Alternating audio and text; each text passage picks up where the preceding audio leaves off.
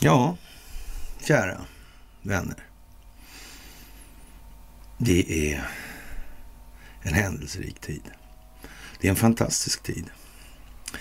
Det handlar om information. Det handlar om informationshantering. Mm, det gör ju det. Verkar vara viktigt det där med information. Mm. Språk är bra att kunna. Fast kanske inte på det sätt som folk nästan alltid föreställer sig. Det där med skriv rakt, skriv kort, skriv enkelt, skriv riktig svenska. Det är nog ingen höjdare liksom. Nej, det blir inte så fritt. Det blir ju inte. Det blir precis tvärtom alltså. Mm. Tänk inte så fritt alltså. Tänk rakt, tänk kort och tänk enkelt. Då blir det för jävligt alltså.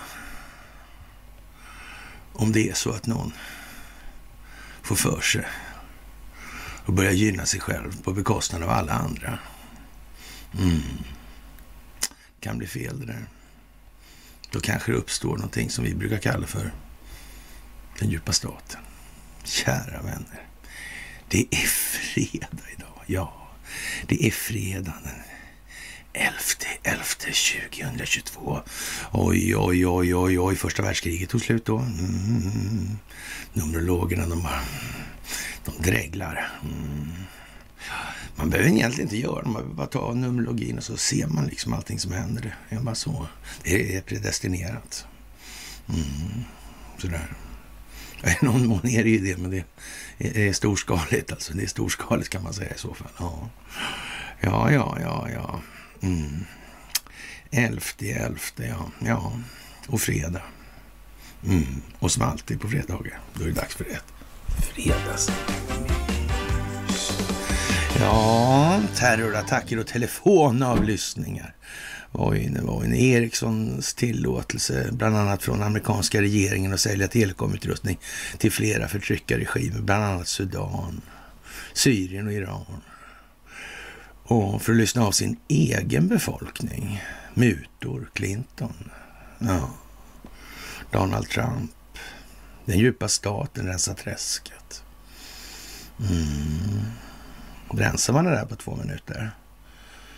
De flesta börjar fatta att det kanske inte var någon bra idé det där med att avrätta Hillary Clinton på Gitmo. Nej, det gick liksom inte ner på djupet på det sättet man skulle kunna önska sig. Strukturen blev liksom kvar på något vis då. Märkligt det där, alltså. Det tar tid att exponera det där på något vis. Mm. Det måste också göras till någon form av sedelärande exempel för eftervärlden. Jag tror faktiskt det. Vad tror ni? Det kan vara så. Men först som alltid ska ni ha det största av tack för allt ni gör tillsammans med mig till exempel det största av tack för gåvor på Swish och Patreon.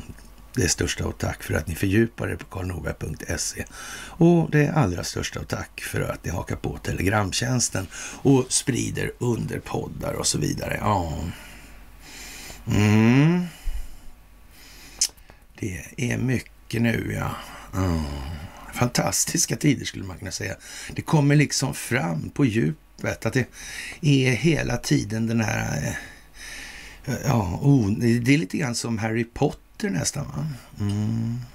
Det är någon onämnbar entitet som tycks styra och, och greja och ha sig, eller har gjort i alla fall. Gör inte det längre verkar det som. Går dåligt som fan alltså. Tungt alltså. Mm.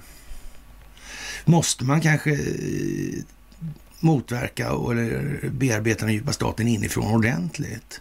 Kan man ha gjort det? Mm. Hur gör man i kärnan i så fall, tro? Mm. Fri oberoende press har vi ju i det här landet, det vet ju alla. Det här är en demokrati som man säger, ingen monarki alltså. En demokratisk monarki. Mm. mm brukar, för, från början var det nog kanske, eh, skulle man kunna säga att man valde kung, men eh, ja. Sen gick väl det i stå antar jag kan man säga. Mm. Ja, ja. Och eh, Iran Konstigt det där. Har det varit. Infiltrerat. Hur var det där 1953? Mossaddek. Ja. Det hade något med olja att göra, jag för mig, va? mm, brittiska kungahusets olja tror jag det var till och med. Mm, det var något British Petroleum-historia där också. Och så var det någon Kermit Roosevelt inblandad i det där tror jag också. Det var lite CIA inblandad i det där också förresten kanske. Ja. Shahen av Iran. Han var inte alls så jävla kontrollerad. Nej, nej. Men han skickade sin donna till Sverige på shopping. Mm, på NK. Mm. Konstigt. Mm. Undrar om de hade telefoner i Iran. Mm. Ja, de hade ju i alla fall, några fick sälja. Det sa väl Donald Trump där 2016, någonting med Ericsson och Iran, va? tror jag. Mm. Jag undrar hur det där går till. Men undrar om man håller på med det där och verkar utan att synas. Om man så att säga aktivt agerar för att minska synligheten över tid. Kan det vara en liksom kärnpunkt i själva modus operandit då? då? Mm. Eller för det modus operandi man begagnar sig av. Mm. Det skulle kunna vara det faktiskt. Det skulle kunna vara det. Ja, ja. Och, och nu är det ju sådana här G7-möten och grejer. och eh, Iran beklagar sig över eh, vad västvärlden håller på med. De verkar ha en upplevelse av att det finns någon form av dubbelhet i västvärlden, eller västerländska agerande. Det verkar som man har uppfattning att det finns någon form av djupstat. Donald Trump, han delar den uppfattningen. Det kan vi nog utgå ifrån. Att det finns en viss institutionaliserad korruption mm, som aktivt försöker dels dölja sina förehavanden och dels verkar för enskilda nyttomaximeringsintressen. Att allt färre ska bli allt rikare på allt fler människors bekostnad. Det är nästan lite kvintessensen i det här tror jag. Och det har det nästan varit från början alltså. Det här är ett folkbildningsprojekt. Det största under planetens historia. Mm. Informationsrörligheten är helt annorlunda nu än vad den någonsin har varit tidigare. Mm. Ja, det där är ju märkligt då att inte det finns i Sverige på det viset. Nej, faktiskt alltså. Det är ju konstigt. Och det här med terrorgrupper. Sa inte Recep Tayyip Erdogan någonting om det här? Ja. Och, och sa inte kineserna något om Sverige och pandemin? Och svart hål? Mm. Vad kännetecknar ett svart hål? Det är ganska hög gravitation där som jag förstått saken. Jag har inte varit där och tittat efter alltså, så jag får ju gå på, så att säga, uppgifterna. ja, ja, ja. Men om vi nu leker med tanken att det är så då. Mm. Det graviterar dit liksom. Mm. Man säger att det rullar lite lutar. Ja. Det gör väl för djupa staten också i så fall då. Ja. Det är pandemin, ja. Ja, kostar massor med pengar också. Mm.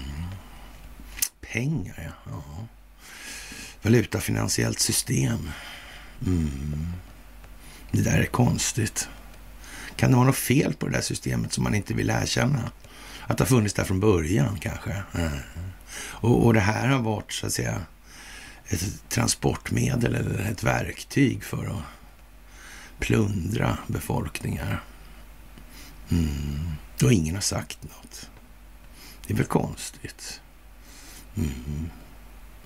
Alltså man, man, kan väl nästan säga så här att om det här valutafinansiella systemet är långsiktigt dysfunktionellt, alltså fungerar det inte på lång sikt. Och man har underlåtit att tala, vad kan det möjligen bero på? Mm. Och då blir den här frågan om den djupa statens existens eller inte, den blir nog lite sådär obsolet. Den behövs liksom inte längre. Det är helt, ja, det är ett axiom helt enkelt. Du kan liksom inte vara på något annat vis.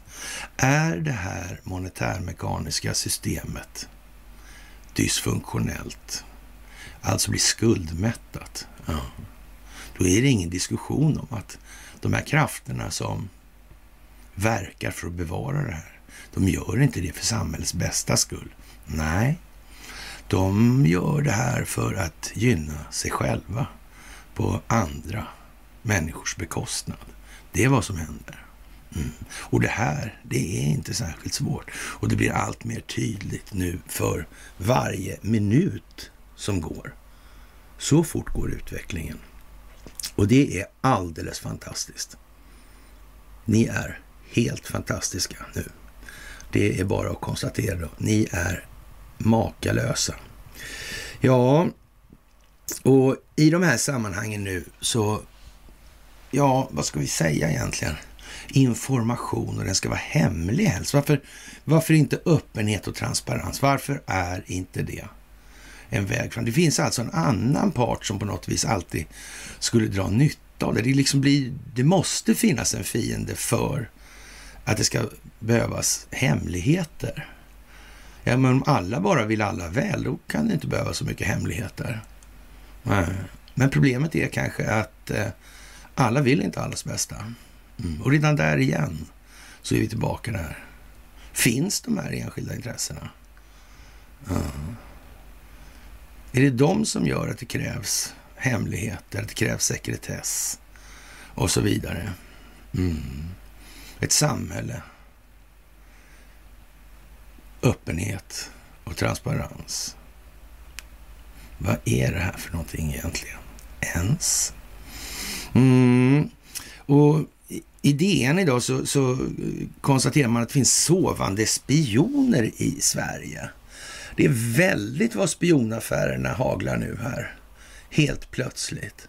Och, och samma sak med Iran börjar tjata om det här med dubbelheten, det där man arrangerar terroristverksamhet helt enkelt.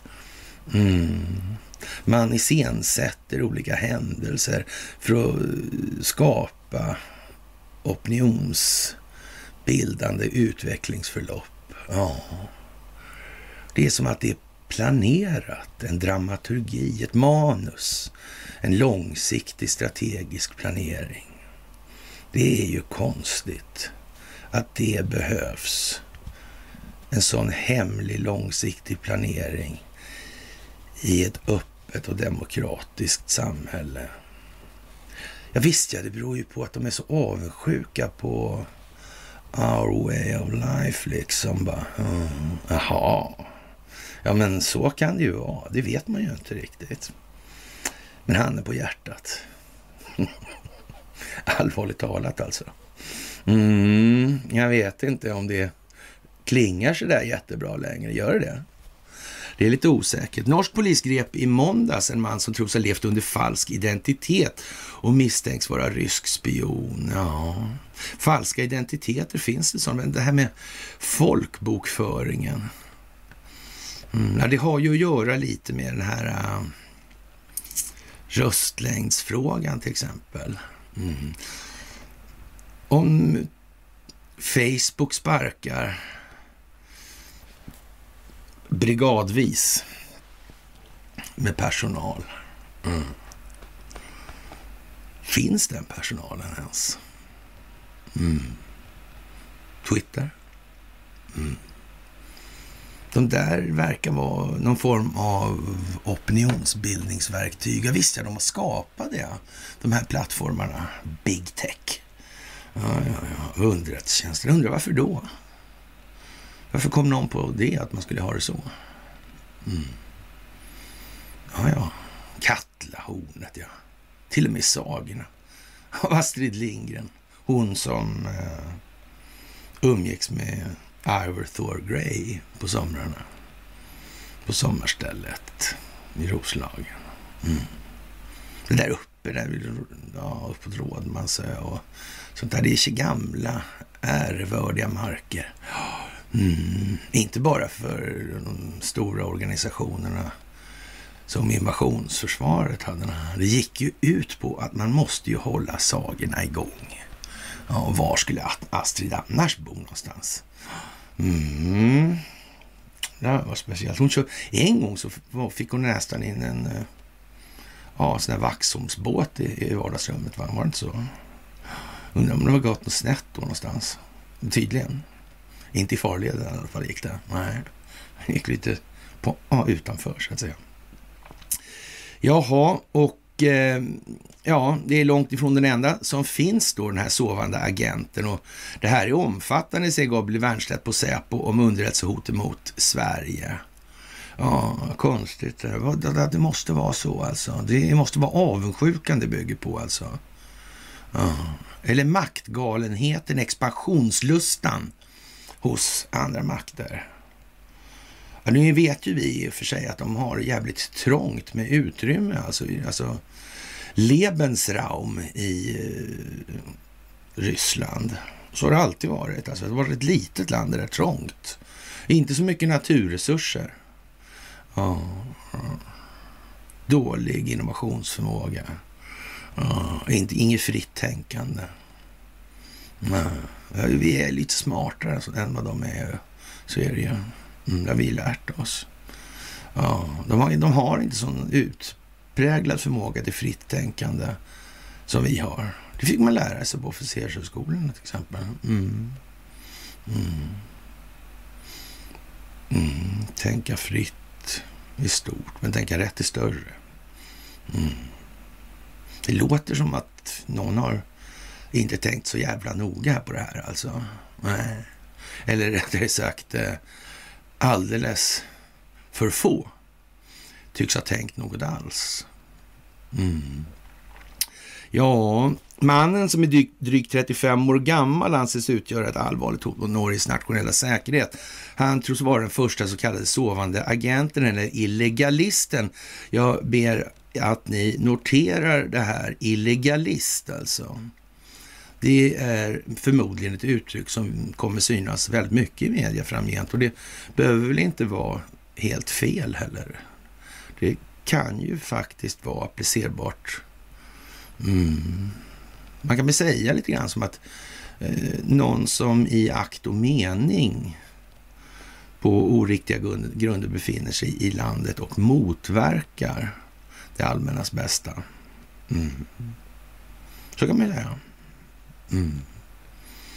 Men för det kan ju inte från eh, ja, förvaltningens sida påstås att, att förvaltningen inte är till för all. Det går inte. Nej, nej, nej, nej, nej. Det håller inte streck. Det går snett. Mm. Ja, det är ovanligt att man griper sådana här illegalister och de har i flera, regel flera års utbildning i hur man håller sig dold. De verkar verka utan att synas också. Och, och, det verkar väl vara så man måste göra om man ska komma åt den djupa staten. Så alla de här spionfrågorna, på något vis så inkluderar det begreppet den djupa staten. Antingen, ja, någon vill eller inte. Mm. Det där med James Bond alltså. Ja, jag tror vi går igenom det där på en föreläsning och den där föreläsningen blir på något vis allt mer beskrivande efterhand som utvecklingen tar den väg som den har tagit. Mm. Ja, jag skulle till och med kunna påstå att det kunde vi nästan se redan då. Ja, faktiskt. Mm. Det är inte så svårt när informationen väl har börjat röra på sig. Det handlar om informationshantering. Mm. Det handlar om ekonomi också. Mm. Och det handlar om kinetisk militär verksamhet. Mm. Fantastiskt alltså. Och en möjlighet i det här sammanhanget då är att mannen har fungerat som kontaktperson åt andra ryska spioner. Mm. Sverige har aldrig försökt infiltrera den eh, ryska staten. Nej. Aldrig. Inte Sovjetstaten heller. Nej. Konstigt. Konstigt alltså. Ja. Det är ju lite eh, spännande måste man säga. Han har påstått sig vara brasiliansk akademiker men pekas av norsk säkerhetstjänst ut som rysk agent. Ja. Ja, 37 år greps i Tromsö i måndags. Mm. Har bland annat arbetat med en grupp forskare som analyserar hybridkrig och metoder som cyberattacker och desinformationskampanjer beskrivs, beskrivs av kollegor som nyfiken och lättanpassad. Alltså. Ja. Och det är frågan om vad är det här för någonting egentligen nu? Mm. Två bröder åtalas i Sverige idag samtidigt. Mm. hade inte de någon bäring på Iran där som vi började med? Mm, uppenbarligen så finns det någonting på insidan av Iran. Mm, som inte är till för Irans bästa. Mm. Det var ju det här med mutorna, det var Ericsson och det var Donald Trump där och såna grejer. Det kan väl knappast vara för den iranska befolkningens väl? Nej, det kan det ju inte vara. Mm. Det där är lite lurigt. ja, vad ska man säga? Det här är... Ja, missnöje är inte sällan en viktig drivkraft bland folk som rekryteras i de här sammanhangen. Man känner sig inte uppskattad och får inte den bekräftelse man tycker man förtjänar. Mm, då är de lättfångade. Ja.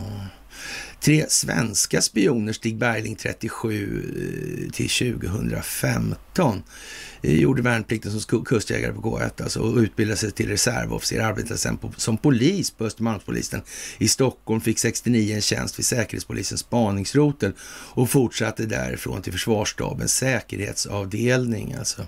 Spionerade för Sovjetunionens räkning och lämnade ut hemliga dokument om försvarsanläggningar. Greps 79 av israeliska säkerhetstjänsten och dömdes till livstidsfängelse. 87 rymde Bergling till Moskva under en permission. Han återvände till Sverige 94 och fängslades i ytterligare tre år. Bergling dog, i, dog 2015 i Stockholm alltså. Mm. Stig Wennerström var en överste i flygvapnet och spionerade för Sovjetunionen i 15 år. Wennerström lämnade ut uppgifter om det svenska försvaret till den sovjetiska underrättelsetjänsten fram till gripandet 25 juni 63. Han fick kodnamnet Örnen och för att gripa honom värvade säkerhetstjänsten hans städhjälp. Wennerström dömdes till livstidsfängelse som sedan tidsbestämdes till 20 års fängelse. Han beviljades villkorligt efter halva strafftiden och 2006 avled han 99 år gammal alltså. Mm. Bertil Ströberg greps 83, dömdes av en oenig domstol till sex års fängelse för grovt spioneri för Polens räkning. Detta efter att den polska ambassaden i Stockholm fått ett brev där det erbjöds att köpa hemlig information om det svenska flygvapnet undertecknat Bertil Strömberg. Jaha. Ja, Ja, Strömberg nekade till anklagelserna och hävdade att han blivit utsatt för en konspiration. Han dömdes till sex års fängelse. Bertil Ströberg, blanda lite här, eh, tog värvning som 17-åring och fortsatte in på officersbanan. Han var senare chef för flygstabens sambandscentral alltså. Mm. Det verkar vara eh, lite grann, eh, det verkar ha någonting med kalla kriget att göra de där. Känns det inte så? Ja. Och den djupa staten fanns väl ändå då? Tillhörde de här den djupa staten då, eller? På något vis. Mm. Det var konstigt det där. Det var konstigt som fan, var det inte det? Varför gjorde de det där som de gjorde? Naturligtvis. Det är som med den ensamma mördaren som bara får ett infall och tassar iväg och skjuter statsministern, regeringschefen. Mm. Var det så egentligen? Sådär. Kanske. Ja, ja, ja, ja. Illegalist är en typ av karriärlön. Den kan vara bra, men det är inte några svindlande summor. Helst ska illegalisten drivas av andra saker såsom prestige och äventyrslöshet. Patos kanske. Skulle det kunna vara det?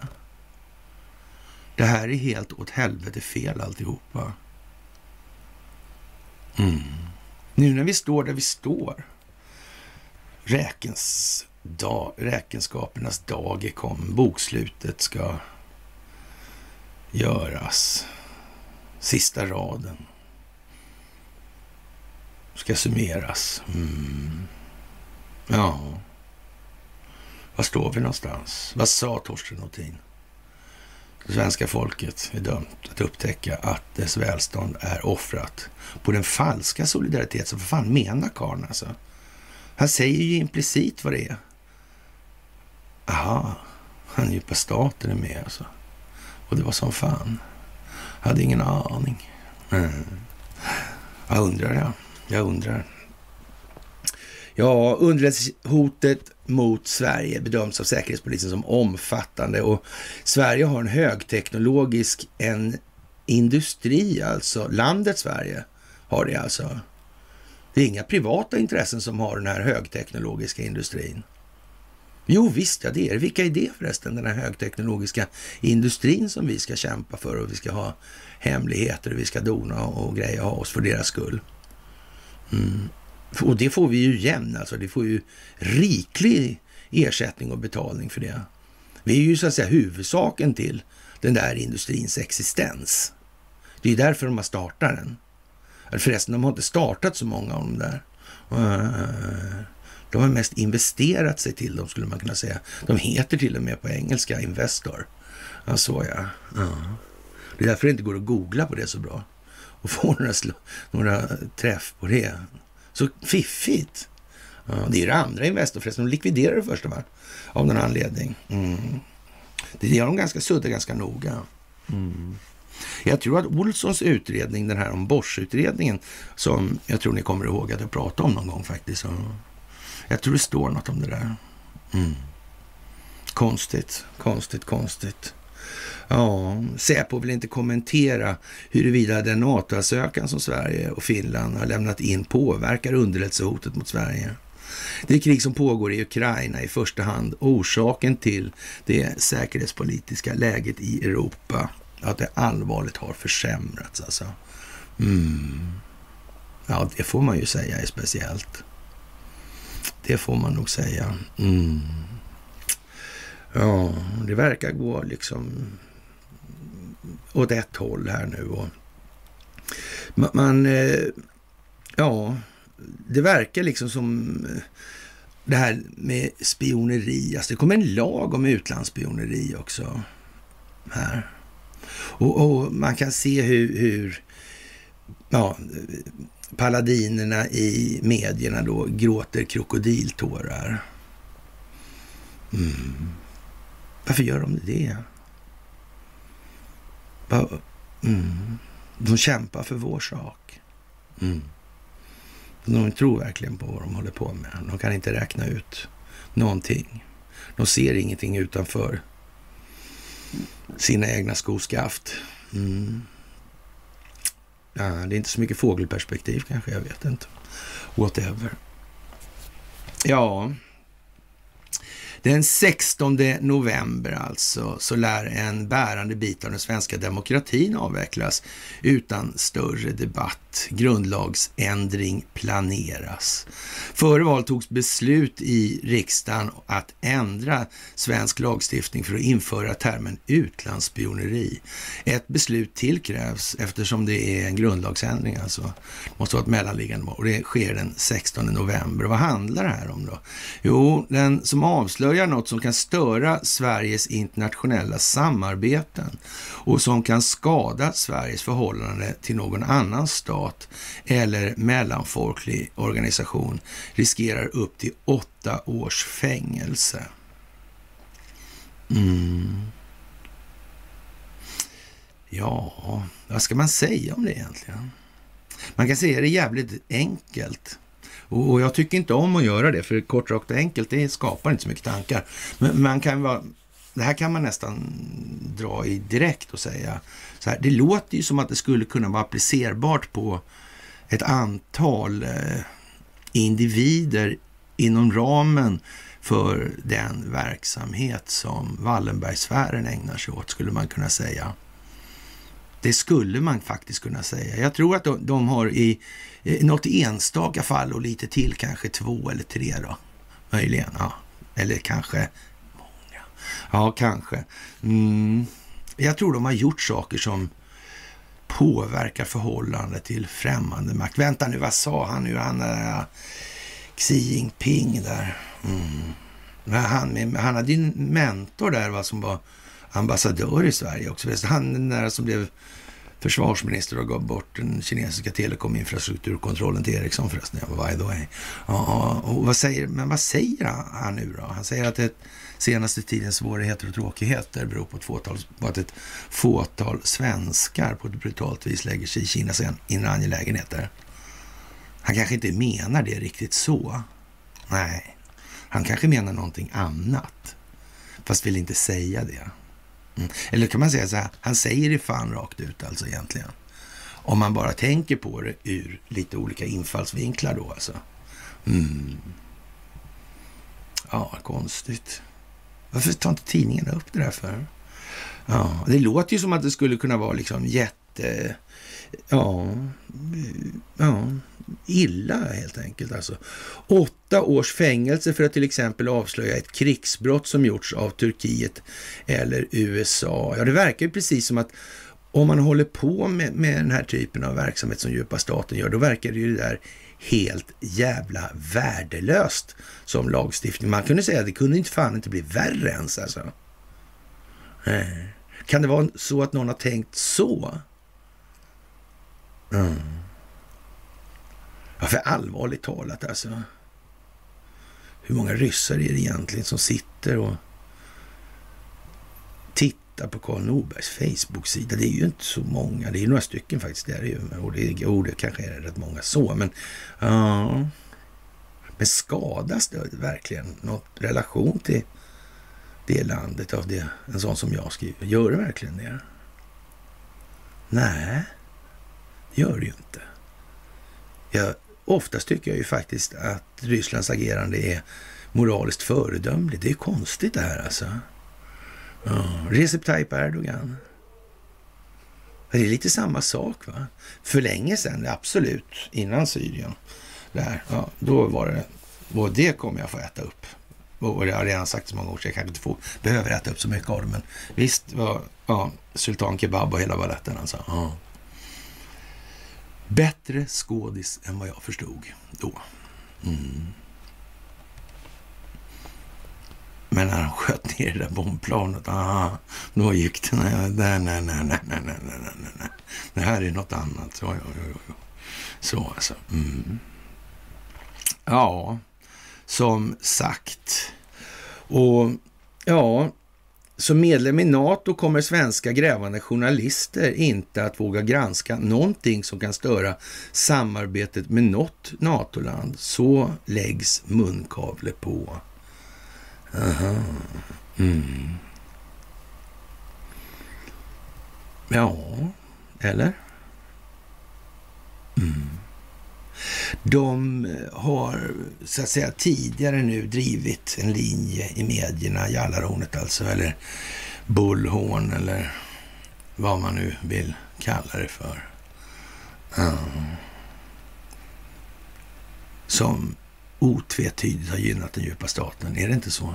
Jag tror till och med att det finns vissa delar av eh, Wallenbergsfären som utövar ett litet inflytande på de ägardirektivstyrda opinionsbildningsmedierna. Jag har hört det i alla fall, men jag är inte säker. Ja. Och, men eh, var det inte demokratin vi skulle värna om i det här? Och är det inte just eh, sån här lagstiftning som hör hemma i auktoritära länder? Ja. Hörde ni inte mer hemma hos Putin än hos Sveriges riksdag? Mm. Jag vet inte. Känns det som att svenska politiker och Sveriges riksdag har motverkat den djupa staten över hövan mycket? Jag ska vi säga de senaste 200 åren eller? Ja. Nej, det gör inte det va? Det gör ju inte det. Det känns inte så. Så vad kan det här möjligen vara för någonting? Det är ju liksom jättemärkligt. Eller så är det inte ett dugg jävla märkligt. Och en skänk från ovan som heter duga. Och, och, det är inte fan den enda skänken från ovan som kommer nu alltså. Och, och där kan man väl säga så här. Ja, det är otvivelaktigt så att i, i någon omfattning så har vi skitit en lök stor som en pumpa. Det har vi gjort flera gånger. Och, och ja, sådär alltså. Mm. Bill Browder liksom. Mm. Hur många har läst Magnit Magnitska akten egentligen? Tror ni att Ian Lundin är jätteglad i den.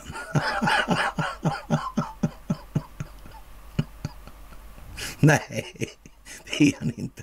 Och han har inte en chans att komma undan. Jag tror han har sålt olja i dollar, så det blir SEC och sen är de inne. Jaha, alltså så kanske det är. Ja, det, det låter inte orimligt. Nej, nej faktiskt inte. Nej, rackarns alltså. Magnitskijjakten, de här oligarkerna liksom. De sätter åt dem som, ja, som stjäl pengarna från Ryssland och flyttar dem utomlands. Nej, det gör de inte. Nej. Putins oligarker tar de bara, okej. Okay. Mm. Man kan ju undra vad Bill Browder har för trevligt erbjudande i botten på det här.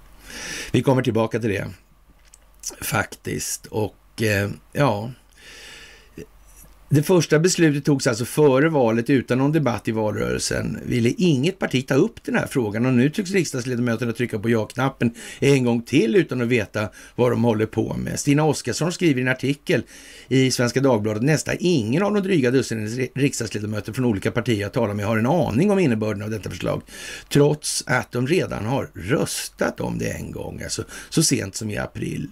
Jag vet inte, vad säger det egentligen om den här politiska adeln? Vad är det för någonting? Ett gäng knapptryckare alltså? Mm. Jag vet inte, liksom, det är ju ett konstigt exempel på det viset. Ett gäng knapptryckare verkar inte vara så bra liksom. De har ingen aning om vad de röstar på. Det är ju för sig, det är liksom en poäng och det kan ju vara en poäng ur ett annat perspektiv det gäller knapptryckare också då. Det kanske är bra att man har en aning om vad man röstar på. Det kanske ska börja där rent utav. Det är liksom en annan liten tagning på det där man inte ska glömma bort så här i sådana här tider. Ja, och eh, beslutet är inlindat i några att-satser som går under lagen om utlandsspioneri. Ledamöter i riksdagen har att förhålla sig till cirka 10 000 att-satser per år.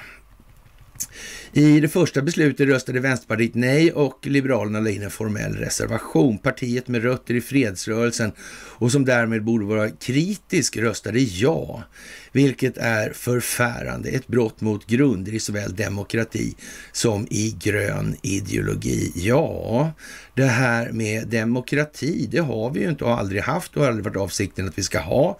Så det, så att säga, ja, Eh, som grund, det kan vi ju glömma liksom bara. Ja, och, och, grön ideologi, ja, vad är det för någonting nu då? Mm. Är det inte den som är på väg ner i det där eh, svarta hålet? Det verkar lite så, va? Det gick inte så bra. Det är inte så många som tror på det här klimatskojeriet. Klimatneuroser och annat. Nej, det är det inte. Vi offrar miljön för att rädda klimatet. Ja, ja, ja, ja, ja. Mediers uppgift är att granska makten och denna uppgift gör att demokratin kan upprätthållas. Ja, och jag vet inte om man ska, vad man ska säga alltså. Eh, vilket också är grunden till att grundlagarna ser ut som de gör. Nu vill man ändra på det. Ja, grundlagarna ser ut som de gör därför de ska åstadkomma den här situationen som vi nu befinner oss i. De har aldrig haft något annat syfte och aldrig möjlighet att göra någonting annat heller. Nej, så är det ju. Mm. Och jag vet inte om att bankernas pengar styr den ekonomi som kontrollerar politiken, om det är liksom demokratiupprätthållande. Jag vet inte hur fel det kan bli alltså. Men det här måste, det här är liksom, det här är top notch nu alltså. Det är bara sånt här nu i medierna. Mm. Och granskar man det så, ja, är det verkligen rimligt att de är så in i helvete dumma i skallen allihopa? Va? Ma, ma. Men om vi säger så här då. Om eh, Guds hand ligger över Moder Svea. Mm. Det måste ske en mental revolution. Ett folkbildningsprojekt alltså. Mm. Hur ska man göra det? Det går ju inte med vapen. Nej, det är bara genom individens utveckling som samhället kan utvecklas. Hur många andra sätt än det här kan man egentligen göra det här på? Nej. Det går inte, finns inte så mycket val helt enkelt. Lite som i amerikanska valet. Mm. Tänk om det blir så i alla fall då att de vinner både senat och kongress. Mm. Ja. Underlivsporslin, han går från klarhet till klarhet. Nu är det ingen som tror att han är dum i huvudet längre. Nej, knappt någon. Alla förstår att det är teater. Mm. Mm. Ja, som sagt. Det är mysigt att göra det här. Det är det ju. Jaha, och molnen samlas över TikTok, ja. Ah. Och, och, man vill förbjuda det här i Nederländerna. Ah. Nederländerna, ja. Var det någonting med Nederländerna den 11 elfte någon gång i några år? Mm. Var det något handelsavtal kanske? Sverige, Norge och... Ja. Jag vet inte. Kanske det. Man kan slå upp sånt där och titta faktiskt. Lite speciellt alltså. Och, och, man föreslår att TikTok ska förbjudas som potentiellt spionprogram. Ja, det måste göras tydligt nu. Det måste vara en klar optik hela tiden. Det är viktigt nu alltså. Mm. Jaha, och eh, Ryssland har faktiskt eh, redan agerat i samband med det här TikTok-historien. Och jag vet inte, hade någon, fanns det någon djupstat någonstans i, där borta i Kina? Ja. Mm. Det, var, det var där de skrev avtal förresten, ja just det så. Mm. ja, tänk vad konstigt. Sverige och Norge redan på opiumkrigens dagar liksom. Ja, det är något lurt med det där alltså. Mm. Vad sa Kina? 200 år har de lagt sig i, va? Den där jävla familjen. Ja, ja de sa ju det alltså. Jag vet inte om det kan stämma. Jo, det kan nog stämma. Jag tror det. Ja, och eh, det här är ju väldigt känsligt det här nu med underrättelsetjänstinformationen alltså. Och ja,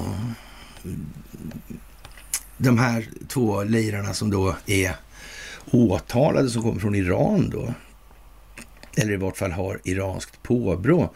Eh, man får väl nästan anse då att eh, skulle det kunna vara liksom en eh, tillbakakaka lite grann? Mm.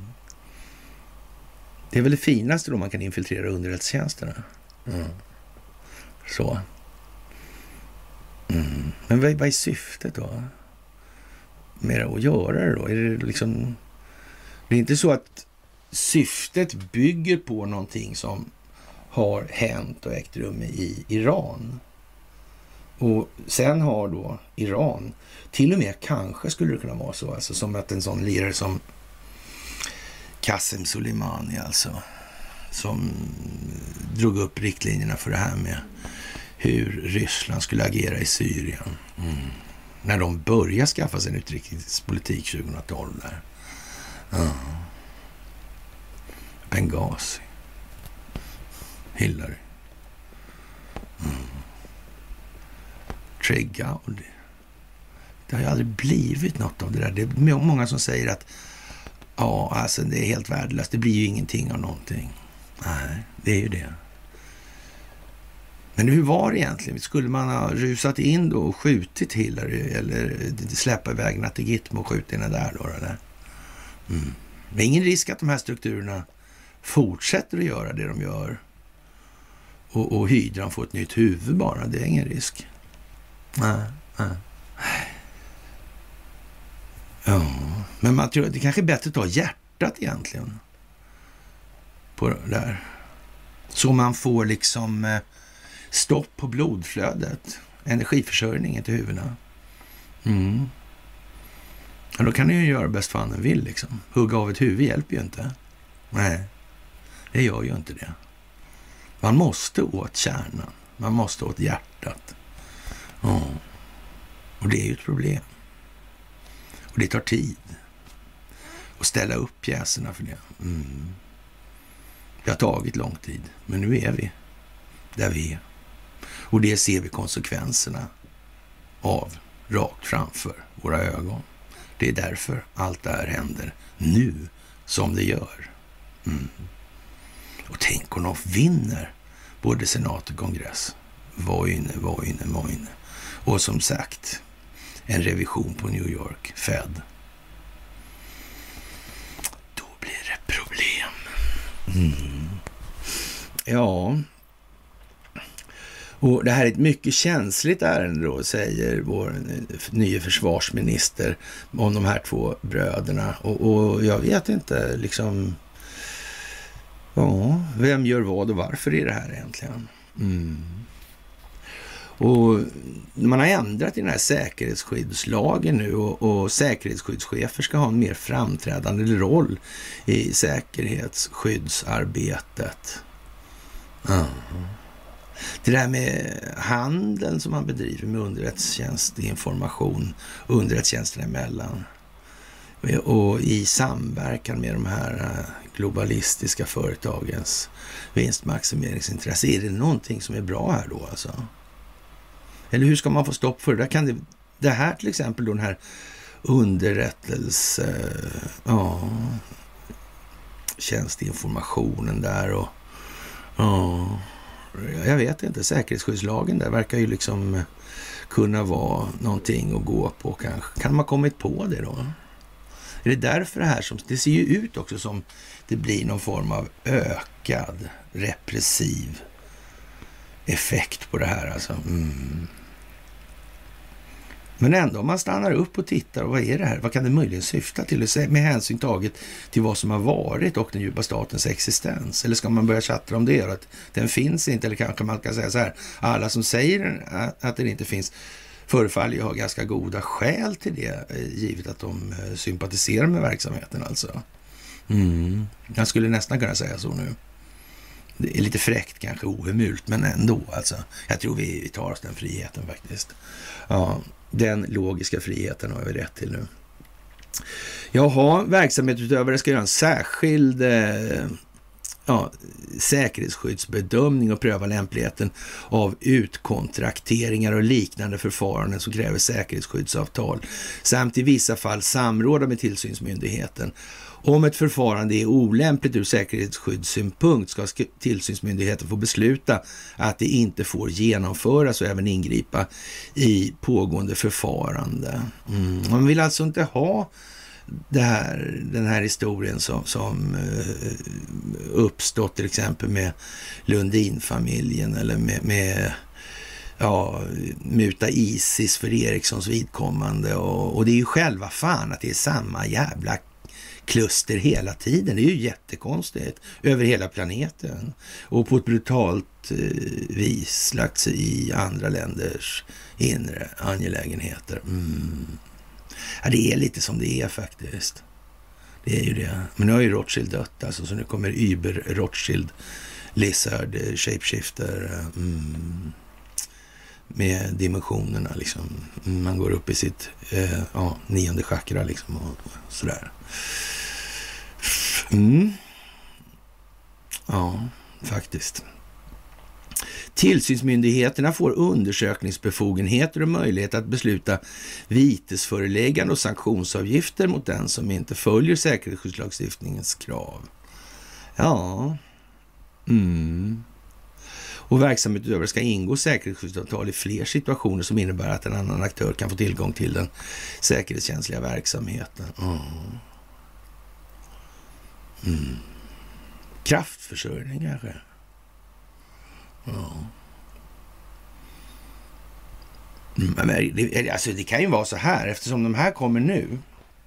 Så ja, om man var jurist då, i, i den meningen att man praktiserade det sådär, så, så, och, och, och gjorde det för allmännas bästa, då skulle man kanske kunna tänka sig att man gjorde så här. Mm, Men så många andra anledningar kan jag inte hitta tror jag. Nej. Nej, det är nog svårt faktiskt. Ja, lite udda kanske. Och som sagt, eh, nu blir det återinförd gränskontroll. Återinförd tillfällig gränskontroll, alltså vid inre gränsen. Och regeringen har idag beslutat om gränskontroll vid Sveriges inre gräns från den 12 november, alltså imorgon, till och med den 11 maj 23. Mm konstigt och det kommer nu av alla tider. Det verkar ligga något i pipen. Jaså, gör det? Jaha, vad ska det vara då? Är det AIK som spelar kanske? Ja, man vet ju inte. Ja, beslut, beslutet baseras på regeringens bedömning att det finns ett allvarligt hot mot den allmänna ordningen och den inre säkerheten i Sverige. Jaha, det nuvarande beslutet löper ut vid midnatt imorgon alltså. Den ryska invasionen av Ukraina har utöver det mänskliga lidande som kriget fört med sig även skapat en ny, eller en ytterst allvarlig säkerhetssituation i Europa. Sedan den ryska ordern om mobilisering har ett stort antal ryska medborgare lämnat landet och sökt sig till EU. Vad konstigt. Undrar vilka det är. Mm. Kan ni, det kan väl inte vara så att man har infiltrerat Ryssland? Och de här människorna företräder intressen som eh, svårligen kan tolkas som ja, den ryska allmänhetens bästa. Mm, alltså jag tror inte det. Det verkar nog jävligt konstigt det där alltså. Mm. Och, och inkallelsesedlarna, jag tror att det var så va? att det fanns en, en straffpåföljd också om man nobbar där. Ja, just det ja. Mm. Jag, jag, hörde någonstans också att uh, man kunde få ett option alltså. Åk till Ukraina och bevisa att du tänker kämpa för Ryssland. Så får du komma tillbaka. Mm. Det sägs så, det har varit sagt så. Mm. Men verkar ju vara lite otur med resorna och allt möjligt där också. Mm. Fast det kan man ju å andra sidan säga så här att ja, det finns ju, om de är så där många som flyr från Ryssland så känns det ju lite grann som att det är förmodligen rätt många eh, som är lite oroliga för vad folk ska börja berätta för någonting. Mm. Jag tror det fanns korruption i Sovjetunionen. Jag läste det på ett ställe en gång. Ja. Det var ju konstigt. Alltså gör korruption egentligen någon skillnad på... Det är väl någon form av egennytta inblandat i det då? Som förutsättning alltså. Ingångsparameter. Ja. Verkar så, verkar så. Ja, sammantaget anser eh, regeringen att det föreligger ett allvarligt hot ja, mot allmän ordning och inre säkerhet och att det därför finns ett behov av mer noggrann kontroll över vilka som försöker resa in i Sverige. Ja, man kan ju säga så här att eh, varför upplever man att det kommer hit folk i så fall då? då? Det här kan väl inte vara det trevligaste stället att vara på på jorden? Eller ligger nära till hands, eller hur fan menar de? Är inte det konstigt? Mm. När det skiter sig så kommer de hit på något vis. Mm. Vad kan det bero på? Och ja, muta IS, alltså, det verkar inte det lite dumt? Det är lite tydligt nästan va? Ja. Man har väl inte haft fingrarna i den. De har kommunicerat med röksignaler så vitt jag förstår. De där. Och det är nog ingen som har spelat in de här. De är inte geofensade de här telefonerna som de har använt under hela resans gång. Inte absolut inte. Nej, det är de inte. Det är lite grann som i Sundsvall faktiskt. Man har geofencing på elsparkcyklarna där. Ja. Men inte på Bodil Hansson som bjuder in kinesiska delegationer och låter ingen annan vara med ja, det är som det är. Det. Liksom. Säpo sa ingenting. Men nu skulle de bli inblandade som du var. Jag kommer tillbaka till det. ja, det är lite udda, får man nog säga. Och ja, det behövs alltså kontrolleras vilka som försöker resa in i Sverige. Mm. Gränskontroll vid den inre gränsen är den enda tillgängliga åtgärden för att kunna bemöta det här hotet. Aha. Ja, så kan man ju säga. Mm. Beslutet har fattats i enlighet med EUs gemensamma lagstiftning och baseras på regeringens bedömning att det fortsatt finns ett allvarligt hot mot den allmänna ordningen. Vilka är det som brukar vilja ställa till strul? Är det ryssarna som vill komma hit och ställa till strul för oss? Egentligen, vad vinner de på det? Att de är avundsjuka på vår livsstil? Är det det? Eller vad är själva anledningen till att de skulle göra så? Eller för något annat land ens? Mm. Mm. Det är ju fantastiskt alltså. Hur man kan få till det i medierna. Mm. Ja, ja.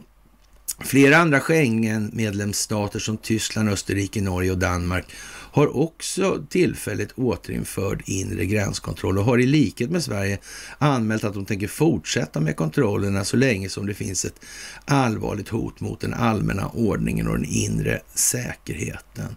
Polismyndigheten bestämmer liksom tidigare var och hur gränskontroll ska genomföras. Kontrollen ska anpassas till vad som är nödvändigt för att kunna värna allmän ordning och inre säkerhet. Mm. Det verkar som allt det här som vi pratar om här idag, det sitter ihop. Det sitter ihop. Ja. Men eh, den allmänna förklaringsmodellen, vad gör gällande egentligen? Vad är, det är Ukrainas fel, det är Putins fel. Alltså, ja, sen då? Och hur liksom är det det? Ja. Och konsekvenserna här? Om de flyr krig, då åker de hit och bråkar då eller? Ja, jag vet inte. De flyr undan Putins repression, eh, repressions, eller repressiva eh, tillväxt, eller vad man ska säga. Mm. Och då åker de hit och bråkar. Men vad... Varför blev det så då? Det är det första de tänker på. Mm. Ja, som sagt, det är optik det handlar om. Det gäller alltså att eh, vara noga nu. Mm. Det ska bli en klar bild för många nu. Och då blir det alldeles uppenbart så här. Och som sagt, de här bröderna åtalas alltså för grovt spioneri för Rysslands räkning. Det är mycket allvarligt. Ja, som sagt. Eh, som sagt. Mm. Upptäckte de på senare år vad som var kärnan i den djupa staten tro? Vad sa Stalin? Han sa någonting om papperna på Raoul Wallenberg. Vad sa han inte det? Och om några som hade samarbetat med nazisterna sedan långt före 38 tror jag han sa. Va? Just det, ja. Så var det ju. Mm. Ja. Mm. Det där är lite udda. Det är lite udda det här med rasismen och Arvid Lindman, Warburg, Wallenberg. Mm. Ett jävla gäng det där alltså. Ja, rasideologin. Mm. Kaiser Wilhelm-institut, Ernst Rudin. Hermans Eugenics Congress, sommaren 32. Ja, Margit Sang, Myrdal. Mm. Jan Myrdal kände den här ambassadören. Mm. Mm. Det var ju konstigt. Han som var mentor åt Xi Jinping. Just ja, mm, så gav bort telefon. Ja. Telekom infrastrukturkontroll, ja. Vilket militärt genidrag. Ja mycket allvarlig brottslighet riktad mot Sverige underrättelse och säkerhetstjänst, alltså det system. Mm. Vem har egentligen gjort vad i detta? Mm. Och Iran börjar alltså. Det här händer samtidigt alltså. Konstigt. Ja. Hm. Ja, ja. Och man eh, har ju eh, rätt så mycket olika idéer om hur tillvaron gestaltar sig nu, det får man ju säga. Och det här med att Ryssland drar sig tillbaka från Cherson där. Mm. Sa man inte att man skulle vänta en stund till marken hade hårdnat lite eller sådär? Och, ja. Eller vad då?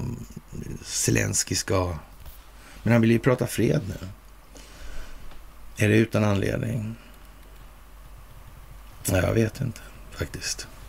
Ja, det här med brända jordens taktik alltså. Mm. Det är lite lustigt faktiskt. Mm. De här två bröderna då, det är grovt spioneri alltså. Och grov obehörig befattning med hemlig uppgift. Mm vilka ryssar är det de har lämnat det här till då? Mm.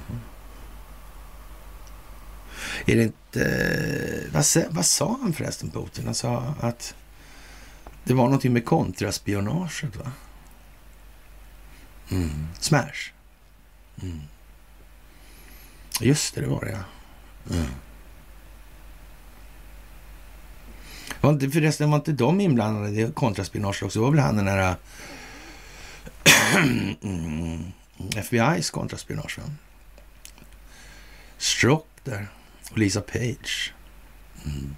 Verkar som Lisa Page försvann ur hanteringen bara sådär. Uh-huh.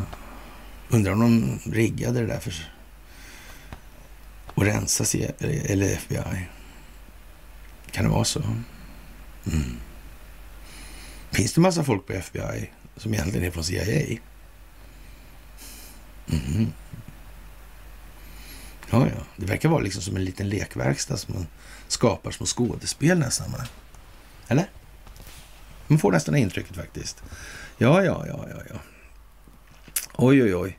Och det här verkar ju vara... Ja, det påstås att man har gått Rysslands ärenden och det har båda, åtalats båda för grovt spioneri alltså. Och, ja, av ett pressmeddelande från Åklagarmyndigheten framgår att de båda bröderna påstås ha gått Rysslands ärenden alltså. Och att gärningarna rör förhållanden som är av stor betydelse. Mm. Ja. Ja, så man... Eh, de uppgifter som man obehörigen anskaffat och befordrat och röjt kan genom att de kommer i främmande makts händer eller främmande makt till handa medföra men för Sveriges säkerhet, säger chefsåklagare Per Lindqvist i pressmeddelandet. Jaha. Mm. Ja. Men det är ju det här nu alltså. Det är kontraspionage alltså. Och det är sån verksamhet. Alltså det är spion bland spioner. Förresten var inte Sverige någon form av central där va? Ja, jag tror vi tog upp det på den här föreläsningen lite grann. Hänger det ihop? Eller? Det bara liksom... Har inte med någonting att göra, nej. Nej, nej, nej, nej, så kan det vara alltså. Ja. Jaha, och på tal om korruption. Det går bra för fotbollen har jag hört. Alltså. En bild på Lennart Johansson också i samband med att de här korruptionshistorierna nu börjar dyka upp. Men då blir det bara ännu bättre och för att föra skada, jag med smärta till skada då, så går SVT ut med att eh, ja, stridshingsten, eh, ja, Reinfeldt alltså, kan bli ny, eh, brunögat, kan bli ny ordförande i eh, korruptionsförbundet, som är fotbollsförbundet. Mm. Det passar väl bra? Ja. Stridshingsten med brunögat liksom. Eller brunögat. ja, vad ska man säga? Vad ska man säga? Ah, han har säkert någonting. Mm. Undrar om inte Flippan har någonting också. Mm. Det där är speciellt som in i helvete alltså. Mm. Och som sagt, det där eh, med Täby-moderaterna alltså. Oh, stay behind kanske. Kanske. Mm, kanske eh, Palme. Kanske. Mm. Kan vara så. Ja. Kan vara så, ja. Det verkar som att det är viktigt helt enkelt. Ja, han är väl van vid fixade matcher. Ja. Jaha, är det bra eller dåligt då för att djupa staten med de här eh, förändringarna som kommer här? Idag en viktig granskning, imorgon kriminellt då när Aftonbladet gråter ut här nu. Ja. Och, och de här medierna har ju aldrig sprungit den djupa statens ärenden och de framförallt ägs och kontrolleras inte av den djupa staten heller. Nej, det är riktigt bra grejer alltså. Ja. ja, det beror ju på alltså. Det finns den djupa staten eller det finns den inte alltså. Det kan man ju faktiskt undra alltså i det här. Och eh, vad ska man säga? Kontroll över senaten i USA. Vi har ju sagt att det här kommer slå in genom amerikanska valet och det blir ju lite av det som händer här nu. Mm. Det där med valfusket verkar ju ha blivit ännu dummare den här gången. Ja, det verkar precis som att man tänker klarlägga det ordentligt en gång för alla. Ja, det verkar som att Brasilien ska utgöra någon form av optisk förlaga också i saken. Mm. Konstigt hur det kan bli alltså, alltihopa. Det är ju väldigt märkligt tycker jag. Mm. Eller kanske inte så märkligt. Kongressen är väl klar då i princip. Och, men så är det ju många grejer som hänger och sen är de här anomalierna nu alltså som dyker upp, eller statistiska anomalier i alla fall, som, det, det är ju inte klokt alltså. Tänk att de gör och låter dem köra samma sak en gång till. Ja, utan att det blir några... Ja, de är helt galna. Frågan är om inte bara låsa in alla som eh, inte håller med. Men, men, problemet är väl om det visar sig att i verkligheten så är de en majoritet. Det blir jättekonstigt då det här alltihopa. Ja, ja men det är så. Jag vet inte det där alltså. Nevada och Arizona, ja, Bibel 39 tycker vi är bra grej. Alltså faktiskt. Och det är, det är knäpptyst i Expressen och Aftonbladet om det amerikanska valet. Det är väl konstigt ändå. Och här sitter vi och säger att det här kommer påverka någon så in i helvete. Ja, men det verkar ju mest vara liksom, eh, ja, någon eh, exposé i gamla galna spionromaner som gör sig gällande här nu av någon anledning. Mm. Hur var det där med utrikesdepartementet och deras beroenden av någonting? Underrättelsetjänster alltså. Och underrättelsetjänsterna beroende av det är det där som, ja, Precis ja. Nationell säkerhetsfråga, sa Mike Pompeo, för detta CIA-chef och sen utrikesminister. Ja. ja, det där är ju märkligt. Han skrev en sån här MOU också, Memory of Understanding. Clean Internet, va? Ja. Verkar sådär, rent affärsmässigt också, verkar det gå lite smått för Ericsson där. Och, och menar, det är massa snack om det ska bli oh, Magnitsky-akten där alltså. Ja, det blir ju konstigt. Alltså, det blir expropriation det rakt av då. Ja, kanske fler länder kan vara inblandade och vilja ta sin del i det här. Mm. Vem vet, det kanske blir ett riktigt litet globalt bolag ur ett ägarperspektiv. Man vet ju inte. Då har man ju en standard. Då kommer jag, kan ju alla hålla sig till den. Då behöver vi inte ha några vinstmaximeringsintressen i den ändan heller. Nej, jag vet ju inte. Och då skulle den här typen av lagstiftning kunna vara, som vi har pratat om nu, alltså det skulle kunna vara rätt passande i det sammanhanget, ur det perspektivet kanske. Mm. Jag tror faktiskt att det, men det är ju bara tur. Tillfälligheter och ingenting annat. Absolut, absolut. Ja. Och Elon Musk då, som skäl jallarhorn i parti och minut, höll jag på att säga, han har nu börjat ägna sig åt eh, ja, ekonomiskt svårmod här och, och ja, svåra tider framåt. Musk säger att Twitters konkurs är möjlig eftersom eh, FTC uttrycker djup oro. Twitter har inte gått med vinst sedan 2019. Eh, det upptäckte han nu alltså. Ja, och har sett en massiv minskning av intäkter enligt Musk. Ja.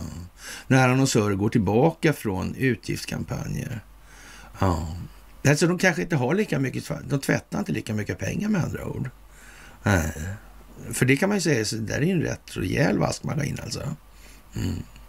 Och om den ska, eh, så att säga, ja, stand on solid ground, då, då blir det nog inte riktigt så bra helt enkelt. Nej.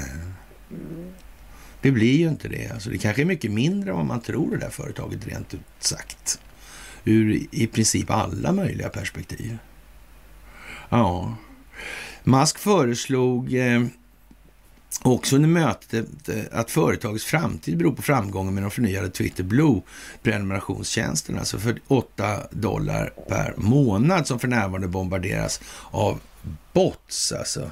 Bedragare och imitatörer. Ja, det är ju lite speciellt. Alltså anledningen till att vi satsar så hårt på prenumeranter är att hålla Twitter vid liv, sa Musk eh, enligt The Information och tillade att utan en betydande prenumer prenumerationsintäkter finns det en god chans att Twitter inte kommer att överleva den kommande ekonomiska nedgången. Eh, eh, han hade ingen aning om de här grejerna alltså. Nej, det hade han inte. Nej. Det hade han inte. Mm. Men jag tror inte den försvinner på det sättet alltså. Nej. Jag tror den köps upp då av någon. Det tror jag. Mm. Och då behöver man ju inte komma tillbaka till Twitter heller. Nej. Behövs ju inte liksom. Men först måste ju ytterligare saker på plats i det här. Så är det också. Musk meddelar också att företagets policy för att arbeta var som helst nu är inställd och sa till plattformen att om du fysiskt kan ta dig till ett kontor och du inte dyker upp accepteras avgången direkt så att säga. Och de här finansiärerna, de tycker att det här är jätteroligt, alltså de som har lånat ut pengar till det här. Mm. Nu kan man säga att de sitter där de sitter. Va?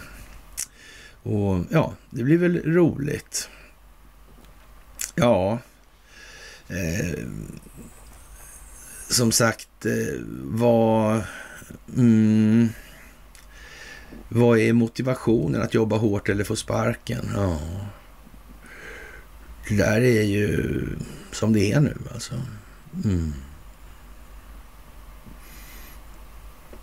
Verkar ha varit en konstig verksamhet det där. Startade av underrättelsetjänsten i och för sig. Det kommer tillbaka till det här hela, hela tiden. Allting hamnar i samma liksom. Ja. Men ingenting har att göra med Sverige. Nej. Nej. Undrar varför vi har så många nigerianska utrikesministrar och motsvarande, eller irakiska försvarsministrar eller vad det var. Ja. ja, det är konstigt det där. Ja, jättelustigt alltså. Ja. Som sagt, det blir nog billigt med tiden det där i alla fall, förvärvet. Det kan vi konstatera. Ja, vad är Sverige ens för någonting? Det är en failed state alltså. Och eh, Tror Ulf Kristersson att Sverige är en diktatur, frågar man sig i Aftonbladet nu alltså. Och simsalabim, ministrarna i Puts Alltså det är något som har blivit fel här nu, säger Aftonbladet. en missuppfattning verkar ha fått fäste. Den nya regeringen förstår inte att de styr i en demokrati. Eller också är det skribenten som inte förstår att eh, regeringen förstår att det här inte är en demokrati. Det kan ju vara det ena eller det andra liksom. Mm. Jag vet inte. Ministrarna vägrar konsekvent att ställa upp på tuffa utfrågningar. Ja, för det första så, ja, de behöver inte väga, de är tillsagda att inte göra det. Och för det andra, de här tuffa utfrågningarna. Eh, känns det bra att säga så verkligen när man är medveten om vad fan håller på med? Eller hon är så jävla omedveten så hon förstår inte vad hon säger själv. Nej, nej jag vet inte. Men det måste ju nästan vara så i alla fall. Varenda en i den nya regeringen har vägrat att medverka i SVTs program 30 minuter. Programledaren Anders Holmberg påpekar det absurda i att de snart har gjort tio avsnitt sedan valet utan en enda företrädare för den nya regeringen, eller SD alltså. Ja, konstigt alltså. Det är möjligen lite märkligt att det blir politiker från den, förr, från den före detta makten som kommer istället. På onsdagen kommer Mikael Damberg, före detta finansminister, istället för Elisabeth Svantesson. Eh, ja, den nuvarande finansministern alltså. Mm. Lite märkligt kan man nog säga. Milt uttryckt alltså. den nya regeringen vill inte bli utfrågad och granskad eh, och, och, så vi får nöja oss med den gamla. Ja, vad är det som ska hända då? Jag har inte hört talas om någon jävla att vi har någon konstitutionsdomstol och såna här grejer. Det har jag inte hört talas om. Vi har ju ett KU där man kan bli kallad till förhör. Alltså man behöver ju inte gå så det spelar ju ingen roll alltså. Äh. Jag vet att Maud hon var inte så pigg på det efter nu och den där så hon sket bara det. Ja, och i värsta fall då jävlar, då blir det prick alltså. Och shit alltså. Ja, det är det, ja, ett av de tyngsta straffen man kan drabbas av. Alltså få prick. Ja. Jag menar, äh, det är bara Sverige mm, som det är. Det skulle inte gå i land någonstans annars. Inte en chans alltså. Ja, vad är det som pågår där? Turkisk definition då?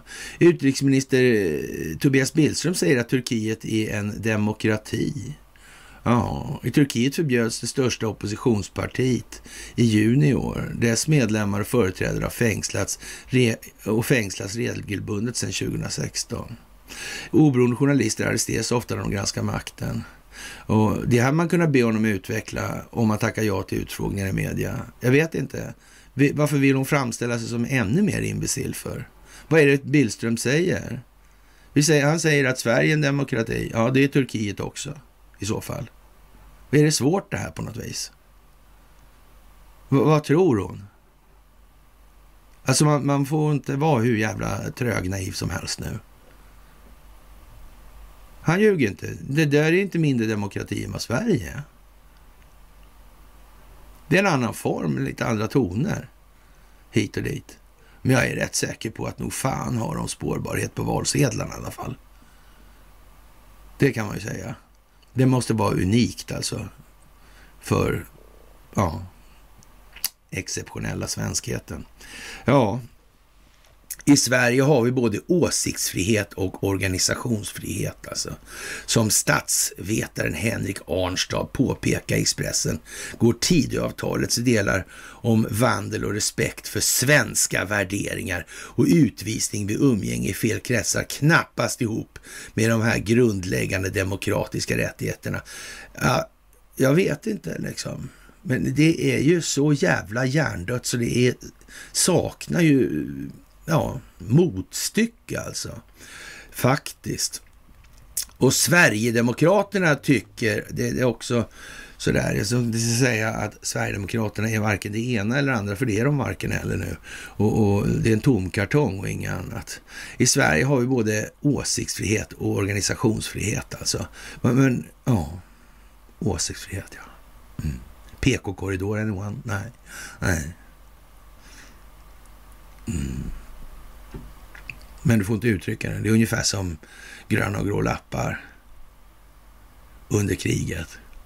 Ja, det såg lite osnyggt ut det där med att man inte fick tryckfrihet. Alltså då, liksom, nej, nej. då blev det distribution. Man fick inte distribuera ut istället. Det gjorde man. Ja, då hade man inte gjort någonting åt tryckfrihet. Man fick trycka hur mycket du ville. Och, och sen gjorde man till exempel som det här med Keynes-affären. Stockholmspolisen köpte upp hela upplagan av den här boken och förvarade den i polishuset. Mm. Ja, vad bra. Det var ju speciellt. Ja, och Sverigedemokraterna tycker alltså att ministern ska hålla truten istället för att ifrågasätta förslagen i Tidöavtalet. De vill dra in bidrag till organisationer som kritiserar den, som Civil Rights Defenders. Och jag vet inte om Civil Rights Defenders har några speciella eh, Eh, bidragsgivare som har idéer om inriktningen på den verksamheten som Civil Rights Defender bedriver då. Mm. Och, och Sverigedemokraterna kräver att få se vilka som har donerat till ändamål de ogillar. Som Naturskyddsföreningen. Ja. Men det kan ju vara så att de här donatorerna då har en massa synpunkter på verksamheten, hur den ska bedrivas och kanske rent av kanske politisera den verksamheten i någon form av enskilt vinstmaximeringssyfte. Det kan vara så alltså. Det är inte uteslutet helt i alla fall. Det kan inte vara alltså, bara skita i att det kan vara så, för det kan vara så. Alltså. Mm. Så riksdagen ska på onsdag rösta om en grundlagsändring alltså, som riskerar att begränsa journalisters möjligheter att granska makten. Ja, för de har ju granskat makten stenhårt verkligen alltså. Det har de ju gjort. För makten den har vem? kraften att bryta motstånd. Om bankernas pengar styr den ekonomi som kontrollerar politiken. Jag tror att Investor styr rätt mycket i det här landet faktiskt. Ja, jag tror det. Det står till och med på Zero Hedge för några år sedan. Alltså det är ju ett skämt ju för fan det här landet. Mm.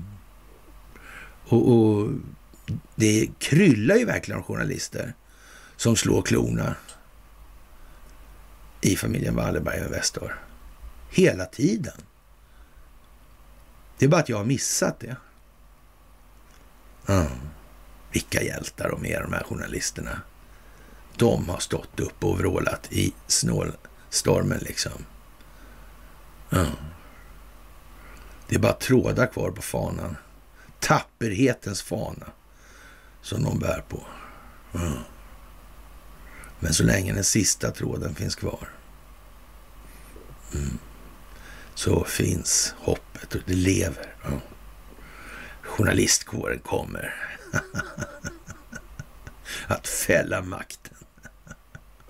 ja, eller hur liksom. Ja, det finns alltså idealistiska journalister också, några stycken. De har det inte gått så bra för. Nej, det brukar det vara vanliga faktiskt. Mm. IB-affären där. Mm. mm. Vad bratt då? Ja, ja, ja, ja. Men, men nej, det var Jan Guillou förresten. Han var inte bratt. Nej, precis. Mm. Jan Guillou var inte så egennyttig. GW var inte heller så egennyttig. Det blev en polare sen också förresten. By the way, alltså.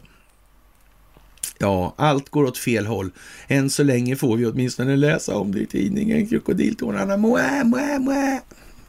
Lille Skutt var det. Sådär. Ja. Som, eh, ja, Conny sammanfattar det här. Kristersson vet nog bättre i diktaturfrågan än vad större delen av resterande befolkningen gör. Mm. Det kan nog vara så alltså. Det kan nog vara så. Ja, den här journalistkåren. Jag pratade med herr Stensö en lång stund i morse. Och eh, ja, det är svårt det där alltså med journalisterna alltså. Det må ju vara så att de är som in i helvete naiva och korkade alltså, men då är det bra att man kan sätta förbud på dem också i så fall. Det får ju liksom inte vara, kan inte liksom ha femåringar med pistol laddade. Nej, det är helt olämpligt alltså. Ja. De får tycka vad de vill, men de ska nog inte ägna sig åt opinionsbildning i den meningen. Faktiskt. Det här är lite tokigt. Det här med partier är lite speciellt också. Jag undrar hur länge det finns kvar. Det verkar ju precis som, eh, ja, vad ska man säga, verkar rensa på något vis alltså. Ja. Och, och, ja, hur är det där med Ron DeSantis och, och, och, och president Trump alltså? Ja. Vad sa vi för något om det här för länge sedan? Mm. Det där med rhinos och dinos. Ja. Men, eh, ja, nu kan man väl säga att den här frågan om kampen mellan Republikanerna och Demokraterna, den får vi nog se som ja, i det närmaste obsolet. Det kommer ju nog om närmsta veckorna här vara klart i så mått. Ja. Men hur blir det då med Republikanerna? För det är ju så att i det republikanska partiet finns det ju massor med rhinos. Alla har väl inte gett sig till känna än. Så lär det ju inte vara. Nej, det lär det inte vara, nej. Mm. Speciellt. Mycket speciellt. Men lika förbannat. Är inte de egna leden värre? Det är väl ungefär som det där med kontraspionaget. Det är ju så. Nu måste man ta de farliga, som är mera farliga. Mm. Håll dina vänner nära. Mm. Men Mm. Undrar om de har lärt sig sådana där grejer, de här som håller på med den här strategiska... Eller nej, nej jag vet inte. Och det verkar på något vis vara väldigt mycket ja, informationshanteringsfrågor helt enkelt. Ja, ja, det är ju lite sådär äh, speciellt alltså. Och äh, yttrandefrihet och demokrati och allting.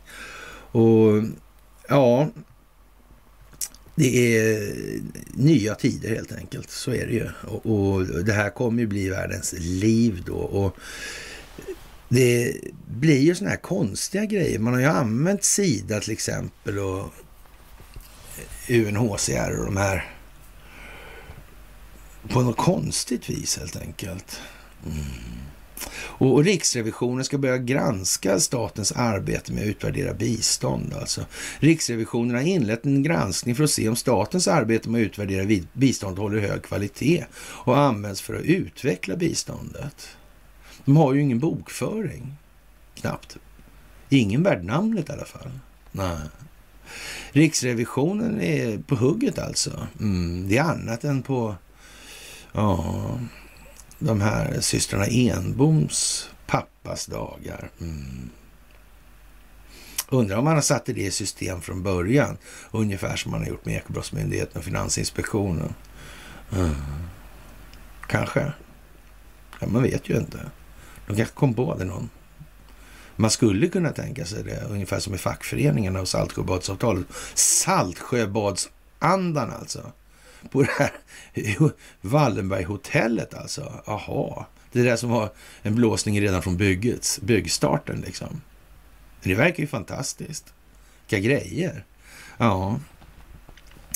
Jaha, och Sverige slänger då eh, årligen bort då 47 miljarder spänn då på internationellt utvecklingssamarbete. Och det är muter och det är kickbacks och det är allting som har att göra med de här globalistiska företagsintressena i Investorsfären. Mm. Det var märkligt alltså.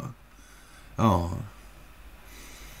Jag undrar om de här mm, privata då, liksom om de tvättar pengar också? Kan det vara så? Jag vet inte. Som spelbolag och techjättar och sådana här annonsintäkter. Ja. Ja, det är väldigt svårt att veta det där. Ja. Ursäkta mig. Ja, det där får man nästan eh, fundera på om att det här kommer i tiden nu liksom. Och det här med att finansiera olika terroristorganisationer. Men vad gör man då, då om, om det visar sig då att Sida har stoppat över pengar till, till eh, ja, vad ska vi ta för någonting? Ska vi ta någonting i Afrika kanske? Ja, jag vet inte. Boko Haram kanske? Mm. Ja, ja, men någon sån där, någon sån där gäng liksom. Och så har Sida gett dem stålar. Mm. Ja, men är inte det liksom, har inte det med terrorism att göra då? Var det inte Hillary Clinton som inte ville klassa dem då? Ja, det var det ju. Va, men va, va, vadå? Ja, men om Sida ger dem pengar då, så kan vi ta, då tar vi den här Magnitska-akten då. Ja, det är samröre, uppmuntrande terrorism och hej och hå liksom. Mm. Och så har de använt dollar. Jaha. Hur blir det då? Det blir ju kåken för några i alla fall, det är helt säkert. Ja. Och de kommer säga att de inte visste något. Ungefär som när Ericsson-anställda som ska säga att han inte visste någonting. Men, ja, ja, det, det, så kan man ju säga. Kanske inte håller, nej. Ja, ja. Det är så dumt så att det liknar ingenting, men det är tydligt, så är det ju. Och nu kommer de här migranterna att bli klimatmigranter, säger man då istället.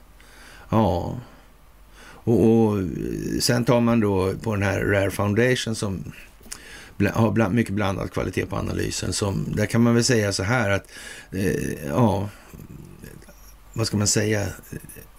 Population replace, Replacement Scheme då. Och jag vet inte...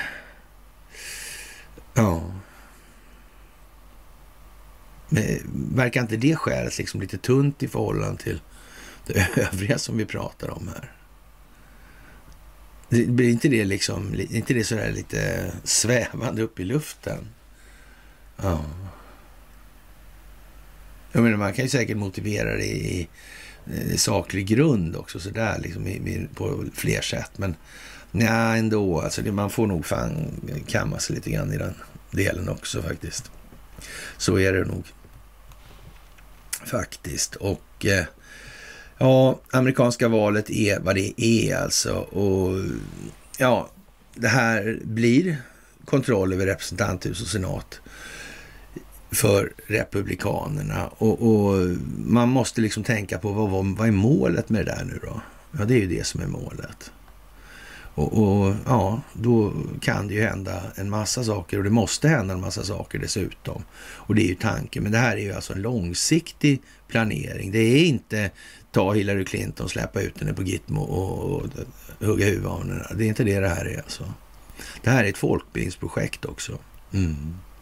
Själva verksamheten ska vara exponering. Folk ska förstå, folk ska inse vad är det är för någonting och vad är det som är fel, kanske framför allt. Hur har det kunnat bli så här? Vilka människor har gjort vad med vilket syfte? Är det här vad de har gett sken av, verkligen? Där är vi nu. Ja, Demokraterna är alltså stressade alltså. Och det här går inte att göra någonting åt längre. Så, och ja, vad ska vi säga? Det här eh, Elon Musks lilla företag här nu med Twitter. Mm. Det var en vattendelare alltså. Mm. Hur går det för Facebook och de här övriga nu? Det kan man fråga sig, det kan man fråga sig faktiskt. Det är många saker som eh, blir jättetokiga nu och, och ja, det här med Brasilien till exempel, då har man ju släppt rapporter och visar att det förekommer fusk med elektroniska maskinerna här. Och, ja och man kunde styra och ändra valet och, och, eh, ja, man har tillsatt en utredning här vad det här är för någonting då. Mm. Ja, det var ju lite förargligt alltså att det kom fram så där snabbt. Alltså. Ja, och, och eh, att man eh, har förberett det här lång tid från den djupa statens sida. Det är inte samma sak som att de som har förberett att bekämpa eller motverka den djupa staten har förberett sig sämre. Nej. Nu gäller det att vinna eller också så, så är det över helt enkelt. Mm. Och det kommer naturligtvis vara så att verkligheten vinner. Så är det bara. Jaha, och sådana här teatergrejer som World Economic Forum och sådana här uh, världsordningar hit och vilket nummer och lalala liksom. Mm. New World Order infördes 46 efter Bretton Woods. Mm. Dollarn som reservvaluta. Mm, så är det. Mm, inte ens John McCain förnekade det. Faktiskt. Och, och ja, sådär. Och rösträkningen håller ju på i USA och det här lär ju hålla på en stund om vi säger som så. Det går inte så lätt här alltså. Och cheferna på Twitter tycker det är lite tråkigt att jobba kvar där nu. Så de, de eh, ja, de lättar helt enkelt medan tid är. Mm. För det är ju så att om det är så att de har samarbetat med underrättelsetjänsterna och det i sig kan ju ha varit lagstridigt då, eller varit, utgöra ett brott mot konstitutionen. Ja, då blir det ju inte... Ja, det blir inte villkorligt och penningböter alltså. Nej, det blir det inte. Sådär, faktiskt. Ja. Jaha, EU måste ja, militarisera väg och järnväg då. Ja, vad ska man säga? Eh, ja, ja. Eh, hur effektiv kan man vara liksom? När man håller på med det här. Det kan inte vara så att man är så dum i huvudet som man säger sådana där, som här Josef Borrell gör alltså. Och han måste hitta ett sätt att snabbt flytta resurser till öst alltså. ja, jag vet inte. Är då tanken då att man ska eh, eh, dra iväg på något invasionsföretag? Eller är det så att man har sett då hur... Eh, eller man måste snabbt kunna mobilisera någon form av skydd mot ett eventuellt ryskt angrepp då när Ryssland ska ut och, och ja, skapa imperium eller Vladimir Putin har blivit galen av maktberusningen och, och, och sådana här grejer. Jag är inte helt på det klara med vilket det är alltså. Faktiskt. Det är jag ju inte. Nej. Men, men eh, ja, det finns inte för närvarande någon specialiserad järnvägs eller väginfrastruktur för att stödja överföringen av stora mängder militära resurser från ena sidan av blocket till den andra och notera att anpassningen av Europas mobilitetssystem var kritiskt för EUs försvar. Mm. Ja, det där är ju så bra så det är inte klokt, men det kan ju vara så här också. Det finns ju massa människor som tycker att det där låter ju rimligt. liksom. Mm. Kan man göra något, men om man ska så att säga öka handeln då till exempel i den riktningen. Mm. Och tvinga fram de här byggnationerna. Mm. För annars kan man ju ge sig fan på att det är gäng som håller på den djupa staten nu. De kommer ju säga nej om man kommer med en idé sen om att vi kanske skulle bygga ut kommunikationsnäten här. Mm. Det gäller ju att smida medan järnet är varmt menar jag. Mm. Jag kanske har tänkt på det. Jag vet inte. Ja. Ja, diplomaten betonar också behovet av att förbättra EUs samarbete med NATO och länder som Ukraina, Moldavien och västra Balkan och eh, vara redo att sätta in styrkor i de här regionerna. Mm. Ja, det där är ju lite speciellt ändå alltså. Mm.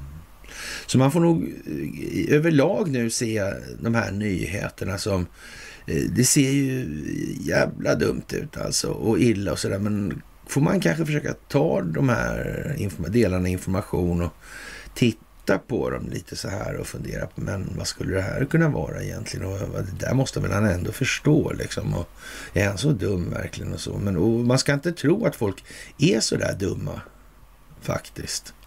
Ja, det är som det är helt enkelt. Och ja, det är någonting man inte vet, säger man då på Federal Inquirer. Och eh, ja, det här är liksom eh, speciellt nu. Det här med tiotu, tiotals miljoner amerikaner berättar för flera opinionsmätare under en period av månader att deras främsta oro inför mellanårsperioden var inflation, brottslighet och immigration. Alltså. Ja, det kan man ju säga alltså. Och det här som händer i valet där. Mm. Men det händer ju ändå. Det går ju liksom inte att göra något åt. Vad som händer med det valutafinansiella systemet, alltså monetärmekaniskt. Mm. Det är ju inte en politisk fråga. Det har ingenting att göra med politik eller ideologi eller whatsoever. Tillväxtkravet bygger inte på eh, höger och vänsterparadigm och, och tralala-grejer. Ränta, nominellt belopp och löptid. Det är tre saker. Ja.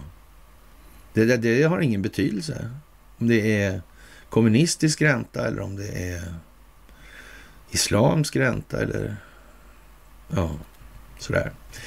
Man får faktiskt hålla sig lite nykter i det här. Ja, vad är det som händer? Ja, systemet är skuldmättat. Och, och, det är nog dags för även amerikanerna att eh, ta tag i den delen alltså. Mm.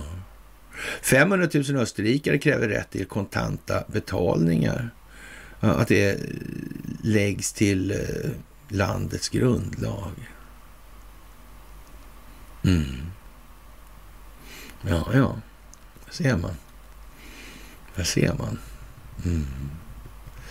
Som sagt, eh, det är friska vindar i öst som Hermansson säger.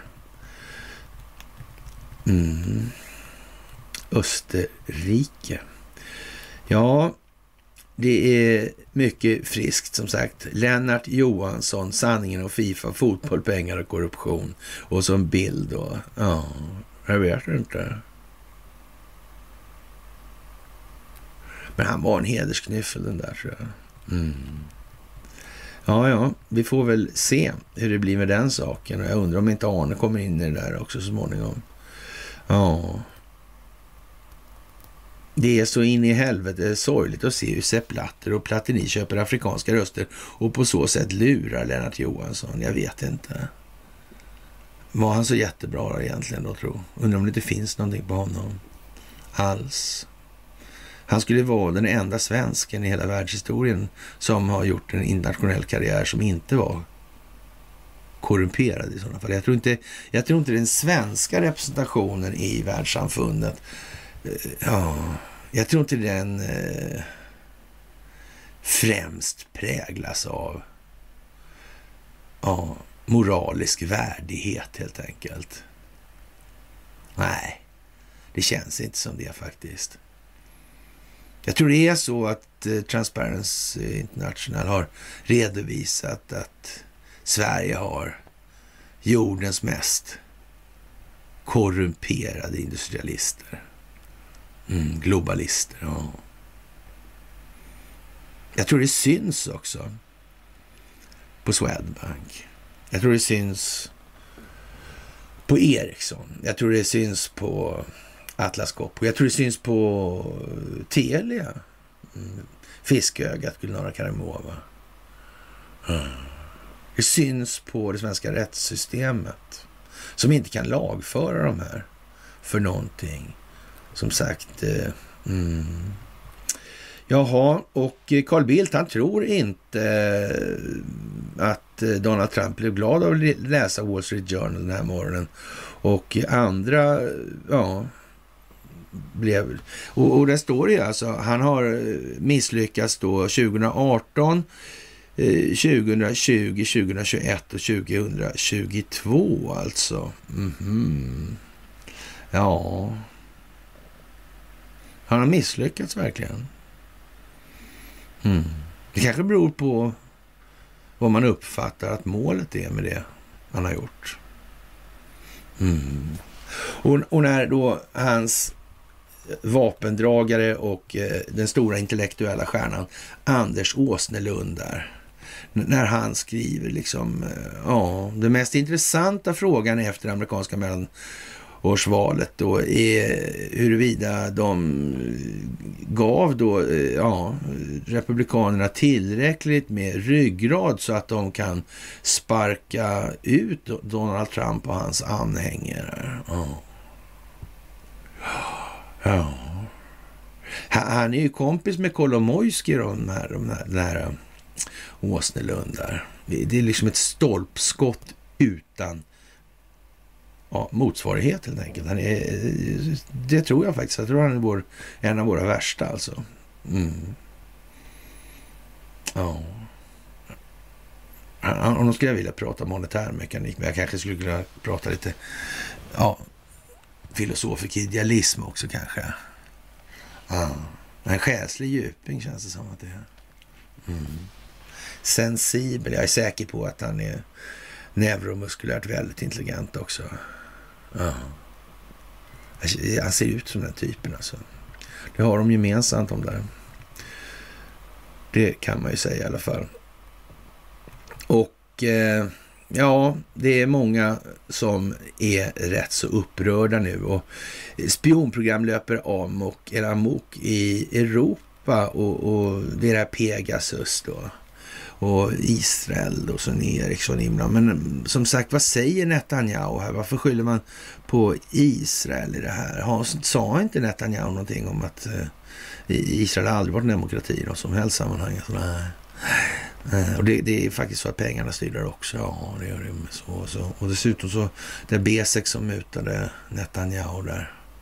Ja, de köper kärnteknologin från ja, Ericsson, ja precis. Ja, och så var det då det här Thyssenkrupp också. Ja. Mm, ubåtarna där ja. Mm, undrar om Netanyahu visste, visste om allt det här kanske. Var med och spelade det här kanske. Ja. Det kanske är en bra grej att göra så. Jag vet inte. Pinpointa liksom lite grann här. Ja, jag tror det. Jag tror någon har tänkt till där faktiskt. Jaha, och vem kunde ha anat alltså? Ja, Säpo kopplas in i kommunens internutredning av Bodil Hansson. Och det kan man ju säga är ju eh, anmärkningsvärt att de inte har upptäckt att hon har släpat hit kinesiska delegationer för att prata om då den eh, punkt som är så viktig så att den utgör tillsammans med Arlanda och Göteborgs hamn då eh, det viktigaste som landet har, alltså det vill säga sträckningen Sundsvall-Trondheim, alltså. E14 där. Där ligger ju ändå Atlantfibern också bredvid och där ligger järnvägen alltså. Mm. Och, och, ja, och så Ljungan är Sveriges mest utbyggda älv och där försörjer man alltså till exempel Mälardalen, Amazon. Mm. Det är konstigt att inte, borde inte MSB ha, ha liksom, och om det gäller det här logistikcentrum då, det är som en inte obetydlig del, de har ju byggt ut då, eh, och man har inte lagt lite pengar och energi på det här bygget alltså. Det har man räknat med ska bli betyda någonting faktiskt. Mm. Det verkar konstigt alltså. Och ska man vara riktigt krass kan man säga så här också. Hur i helvete eh, gick det till? Det här är naturligtvis en teater som är riggad oerhört länge, så lång tid tillbaka. Så. Mm. Och de här fartkamerorna alltså. Konstig grej alltså vad det kan bero på. De kanske ska fylla ett syfte. Fast kanske inte just med farthållning alltså. Det behöver inte vara så illa. Nej. Speciellt alltså. Mycket speciellt. Mm.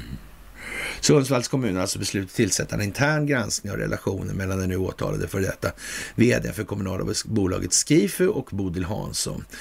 Eh, som sagt, vi eh, tar ner flaggan när det gäller det här. Vi flaggar om Bodil i den meningen. Vi kan inte ens föreställa oss att hon får plocka hem eller plocka ja, kinesiska delegationer till Sundsvall och ta upp dem på lunch på Södra berget där utan att oppositionen får vara med och, och, och utan att då Säkerhetspolisen har gjort det verkar ju jättekonstigt. Mm.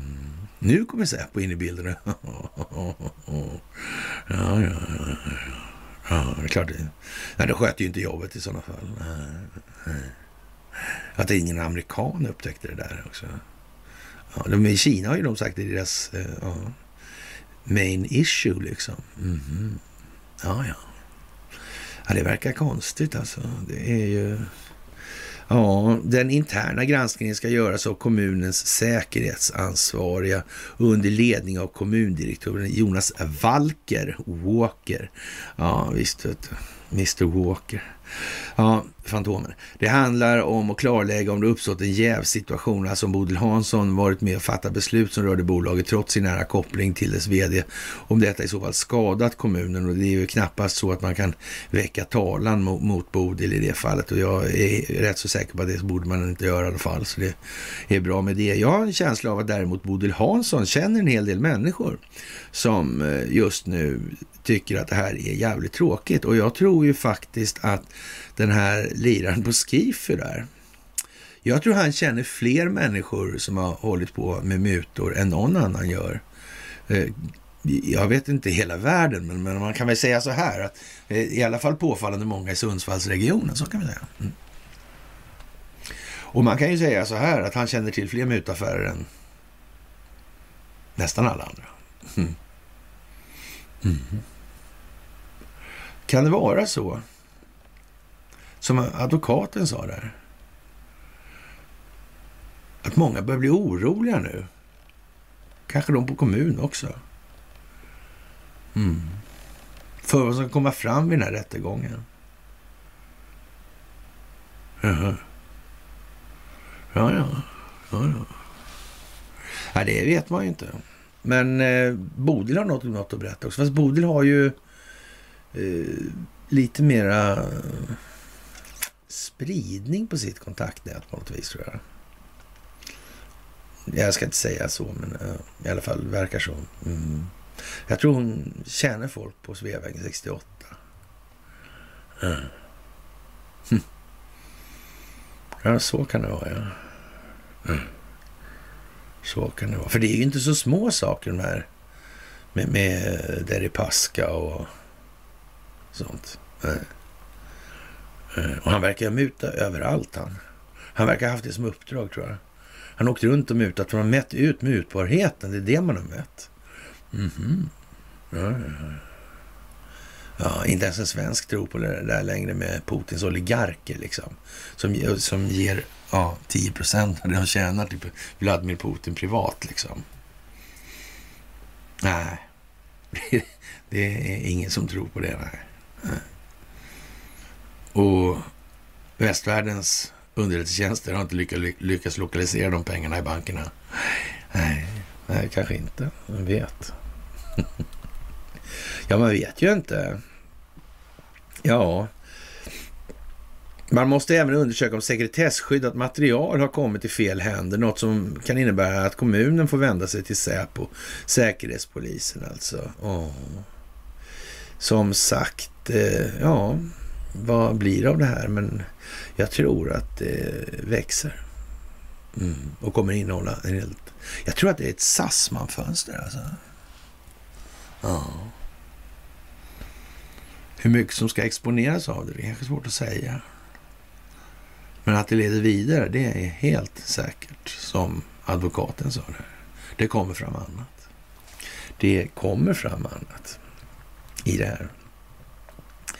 Ja, undrar vem som är skyldig till vad alltså, faktiskt. Och eh, man räknar för hand i Arizona. Ja, det är ju konstigt. Mm. Det där är ju ja, som det är nu. Man litar inte på de här räkningsmaskinerna alltså. Nej, det gör det. Och Eh, det är inte möjligt att garantera de program som kördes i de elektroniska röstningsmaskinerna är fria för, från skadliga eller för att de är manipulerade alltså. Och, och ja, eh, Brasiliens president Jair Bolsonaro är då indragen i en kamp som påfallande, eh, påfallande lik valet 2020 mellan Trump och Biden. Ja, det där är ju lustigt faktiskt. Ja, han är väldigt populär också. Det är konstigt. Ja, jag vet inte. Vi får vi se alltså. ICA har naturligtvis eh, en roll i det här och en plats. Naturligtvis. Mm. Mm. Sofia 28 skulle köpa tårta på ICA Maxi men blev istället visad en högljudd porrfilm. Jag tappade aptiten och, och, och suget helt enkelt. Eh, det var hemskt. Jag, jag, kände bara, jag ska inte köpa någon tårta. Vad är det här? Eh, ja, men det var väl en bra bantningstrix? Var det inte det? Det kan man ju ha då liksom. Folkhälsotrick alltså. Ja, som sagt. Det är som det är. Det är som det är absolut det här. Och eh, Jakob Wallenberg i Ekots lördagsintervju kan man höra på för de som orkar med det. Och ja, vi ja, får väl anta att det här med fotbollen och det här med terroristorganisationer och stödjande av en det ena, en det andra. Kanske ska ha Reinfeldt där alltså. Mm. Bröd och skådespelsindustrin, vi har sagt någonting om det. Faktiskt. Ja. ja, jag vet inte. Jag vet inte faktiskt. Ja, i, eh, ja, Eh, ja, extremvärme väntas kan bli rekord. Värmerekord i november alltså. Ja, det är ju lite konstigt faktiskt. Ja. Udda va? Mm. Det är som det är, kort sagt. Och eh, det gäller ju att skapa tillräckligt med falska röster också nu, så då behöver de ju dra ut på tiden också. Det har vi inte sagt så mycket, men det tror jag ni vet det här med att det faller rösterna för den som är utsatt för fusket då, i det här och, och ja, sådär. Och som sagt, eh, svensk domstol kan pröva Lundin-åtalet alltså. Det blir perfekt då med tillämpningen av Magnitsky-akt då. Det kan inte vara så där jävla kul alltså. Nej, det kan det ju inte vara. Och det måste ändå i, i det här läget också måste man väl säga så här att man får Bill Browder att göra det här alltså. Alltså själva grejen med Magnitsky är ju lögn. Liksom. Det, eh, Der Spiegel har gjort en jätteundersökning om det där, så det är liksom inte mycket att snacka om. Men, men svenska medier, de håller på och håller i alltså i det här. Mm. Om man kör igenom den här Magnitsky-akten, den är ju som klippt och skuren för de här lökiga oligarkerna vi har här i Sverige som parasiterar på hela jorden liksom. Och exploaterar och håller på med, alltså hej och hå liksom. Ja. Det blir ju klockrent alltså. Och sen har de kört dollar också då för säkerhets skull. Mm. Så det blir liksom inte så mycket kvar av det här vad det lider. Men hur fan kom det sig att Browder gjorde det? Och det är samma sak med anmälan där. Och den här liksom, teatern med Bonnesen. Mm. Hon vet ju liksom mycket väl vad det här är. Alltså. Och hon har ju inte varit en minut direktör på den här banken utan att ha pratat med amerikanska myndigheter från början. Ja, men om Donald Trump 2016 började prata om det här med Ericsson, så då hade han nog koll på resten av koncernen också tror jag. Någon av hans eh, ja, strateger kan ju ha kommit på idén att googla faktiskt. Mm. Kanske. Möjligen. Mm. Jag vet inte. Men det kan ju vara så. Mm. Och då hur blir det här egentligen med Browder och Bonnesen och Swedbank och som fanns i Ukraina där också, men la ner hastigt och lustigt alltså.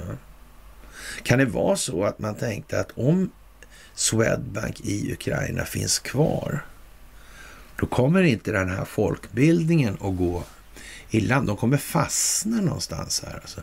Det blir för mycket stickspår helt enkelt. Mm. Så de kommer tappa huvudriktningen. Det är svårt att komma tillbaka. Vi måste ta bort den där banken helt enkelt. Och så måste vi tagga ner det där. Har det varit, har det varit mycket om den där verksamheten? 14 och 15 där och så. Men det har knappt varit någonting. Va? Varför inte då? Det där är konstigt. Faktiskt. Det där är jättemärkligt. Mm. Kanske Göran Persson vet något. Kanske Deripaska vet något.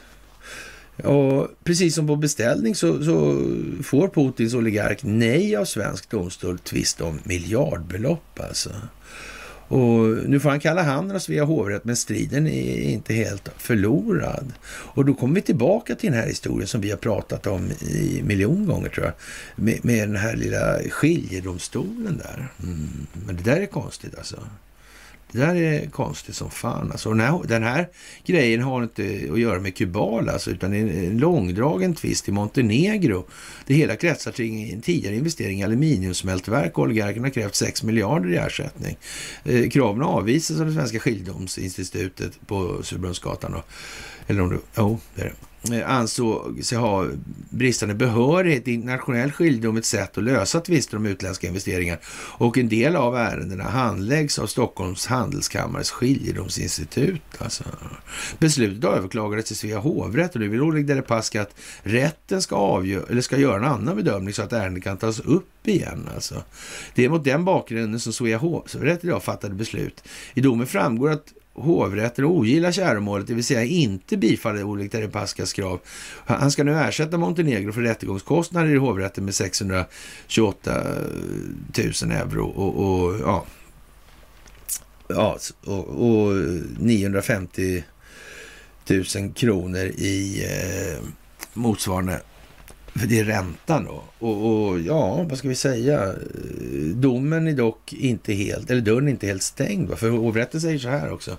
Att eh, avslutningsvis att målet rymmer frågor där det är av vikt för ledning av rättstillämpningen av ett överklagande prövas av Högsta domstolen. Så. Och, och därför får man överklaga det här alltså. Mm. Konstigt alltså, till Högsta domstolen. Handlar om svenska rättssystemet ser det ut alltså. Och, och en sån som Deripaska börjar göra sådana grejer. Kan det vara planerat? Eller det bara blev så kanske? Mm. Mm. Man vet ju inte. Det kan man ju inte veta. Och det ena sökt Olle Deripaskas advokat. Han verkar inte vilja prata. Han kanske tycker att eh, ja, det här är ett folkbildningsprojekt. Man vet ju faktiskt inte det. Sådär. Ja. Det är speciellt alltså. Mm. Han har visst intresse i Calcutta. Ja, så är det ju faktiskt. Och Kiev är redo för förhandlingar alltså. Och ja, det är ju som det är med den saken. Och som sagt, eh, ja, ska den nya lagen gå under radarn? Ja, faktiskt. Mm. Det där vet man ju inte hur eh, folk reagerar på. Men klart, de springer med första känslan, det gör de ju sådär. Och, ja, det där är, ja, man har en artikel här då i Svenska Dagbladet som är lite speciell. Det får man nog fan med säga. Alltså. Och jag trodde inte på det när jag hörde det först. Det var liksom för galet. Något, eh, jag hade just något sånär förlikat förlika mig med tanken framtida NATO-medlemskap med vetskapen om att det kommer ju ändå att gå att granska. Alltså, då kommer nästa slag. Alltså, 16 november väntas nämligen riksdagen rösta för en ändring av yttrandefrihetslagen, grundlagen och tryckfrihetsförordningen som kommer kraftigt att begränsa denna möjlighet. Alltså. Ja, det hela går under något så kryptiskt som den nya lagen om utlandsspioneri, proposition 2021 22 55. Alltså innebär i korthet att de blir brottsligt att röja uppgifter gällande internationella samarbeten som stör Sveriges relation till andra länder. Alltså. Mm. Ja, men det, det, kan man ju tolka som att man ska skydda då de här bolagen. Alltså. Mm. Ja, vem granskar den som granskar? Mm. Ja, och folk har alltså ingen aning alltså. Det, det där är, vi trycker på knappen över hundra gånger i veckan och man har inte chans att sätta sig in i allt. Eh, och, och har ledningen sagt att man ska rösta ja, då gör man det. Det låter som värsta jävla knapptryckarna. Ja, faktiskt. Ja, hela den där artikeln är lite speciell på det viset. Alltså det är, ja, jag har alltid varit sparsam, försökt vara sparsam med orden, undvika stororden som Torgny Lindgren brukade kalla dem. Ja, Ja, jag har tänkt att det kan komma då de här verkligen behövs, de här stororden. Att det var då, då måste de ha kvar sin kraft, sin skärpa, så att de biter. Det har inte hjälpt här alltså, för ord är en gemensam resurs och som med annat som alla äger finns det en risk för missbruk. Allmänningens tragedi brukar det kallas. Och det har nu drabbat yttrandefriheten alltså. Ja, det är ju som det är alltså. Faktiskt. Blir det någon NATO-medlemskap tro? Mm. Är det huvudfrågan egentligen? Mm. Den amerikanska militären är en huvudfråga i alla fall. Men vi får ju hoppas att de som sagt inte behöver kliva ut på banan helt på det viset. Alltså. Det är ju mycket mer smakfullt om det inte behöver bli så. För det skapar alltid öppningar för yrväder alltså. Sådär, faktiskt. Jaha, och han blir Sveriges säkerhetsrådgivare alltså. Och det handlar om Henrik Landerholm då. Och eh, Mm, ingen kommer undan brukar vi säga. Hans syrra Karin, Kajsa Landerholm, numera Enström. Ja, han, det är lite, lite lustiga familjen det där skulle man kunna säga. Han lämnar jobbet som generaldirektör för Myndigheten för psykologiskt försvar för att bygga upp och vara operativ ledare för ett nytt nationellt säkerhetsråd. Han blir Sveriges säkerhetsrådgivare. Beslutet tog på dagens regeringssammanträde. Ja, man har inrättat den där institutionen i alla fall då. Så kan man ju säga. Så kan man säga. Och eh, ja, han har varit riksdagsledamot för Moderaterna, rektor för Försvarshögskolan samt ambassadör och generaldirektör. Inte ett dugg politisk typ alltså. Ja, och han tackat ja till att bli Sveriges första nationella säkerhetsrådgivare. Och ja, vi lever nu i en tid där många hot kan riktas mot Sverige och det kräver mer av den samlade förmågan att analysera och koordinera insatser mot nationella säkerhetshot. Alltså, kommenterar statsminister Ulf Kristersson. Ja, som vi säger. Ja, det är nog ingen dum idé att göra lite mer som andra länder gör, faktiskt. Det kommer nog bli mer av det. På så vis alltså. Mm. Sådär. Och, och, och det här med att påverka andra relationer med andra länder. Menar de på allvar då att om svenska företag begår övergrepp dåligheter i andra länder. Så skulle det vara någonting som de länderna skulle bli förbannade om svenska journalister uppdagade. Hur tänkte de här nu egentligen?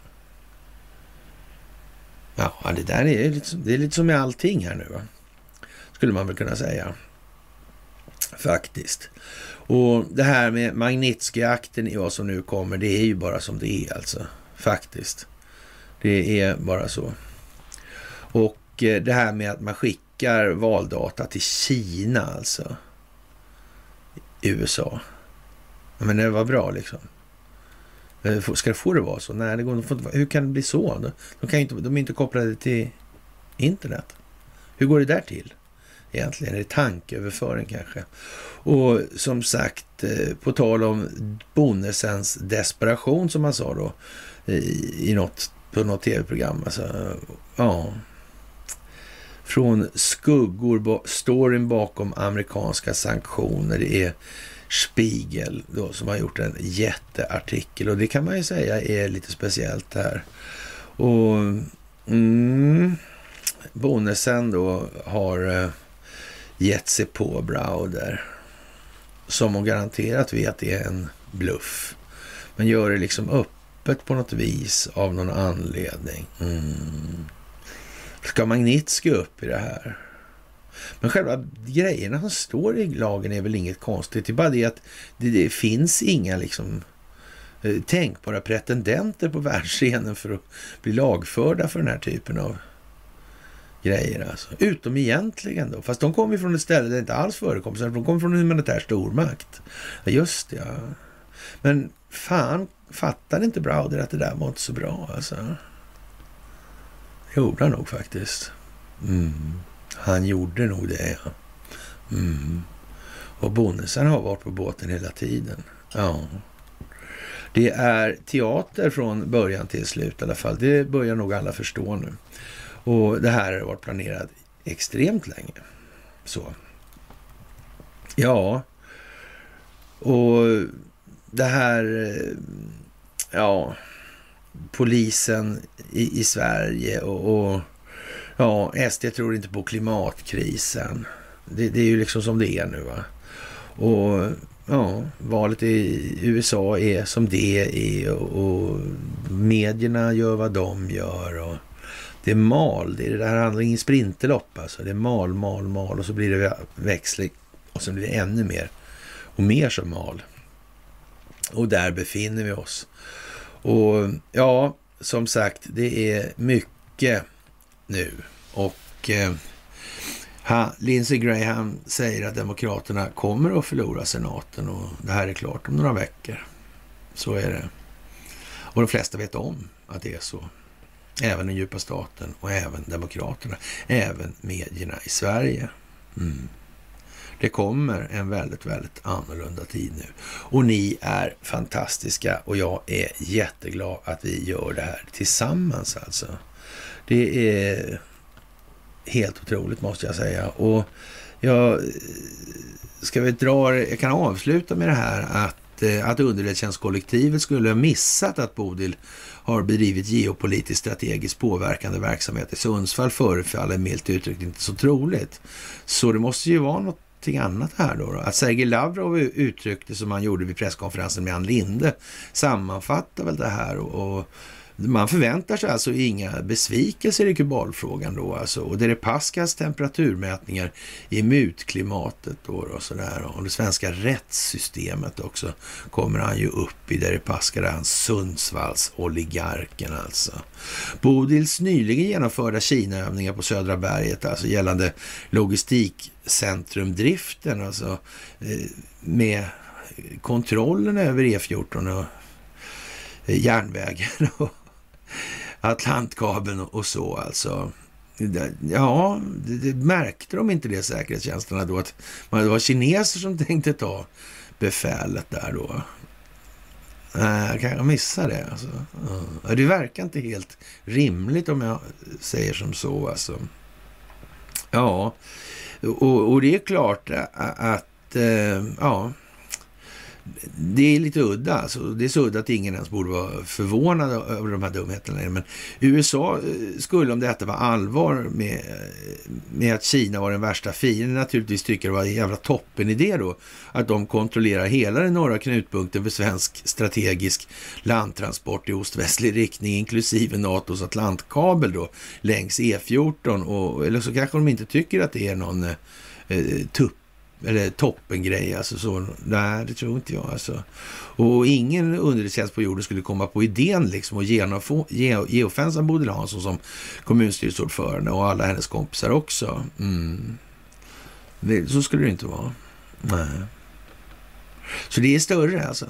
Därför går det riks. Mm. Och som sagt, det är ju ett jävla eh, käckt parti det där. Hedligt folk alltså. Mm hedligt folk alltså. Samma skitiga insida. Mm. Men det kan ju vara så att man kan resa sig. Och kan ju vara så att man kan resa sig och sen spela spelet baklänges.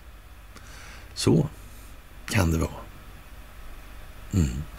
Med det, kära vänner, så kan vi väl anse att eh, den här fredagen är till ända.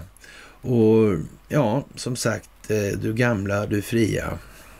Det är som det är nu. Och, och ja, många är upprörda och tycker att livet är sådär alltså, helt enkelt. Inte vi.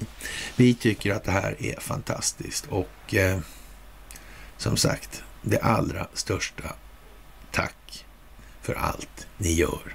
Och så återkommer vi väl då när det blir dags. Och det är ju senast på måndag. Så får jag tillönska, tillönska er en trevlig helg och en, framförallt en trevlig fredagkväll. Så hörs vi sen. Hej!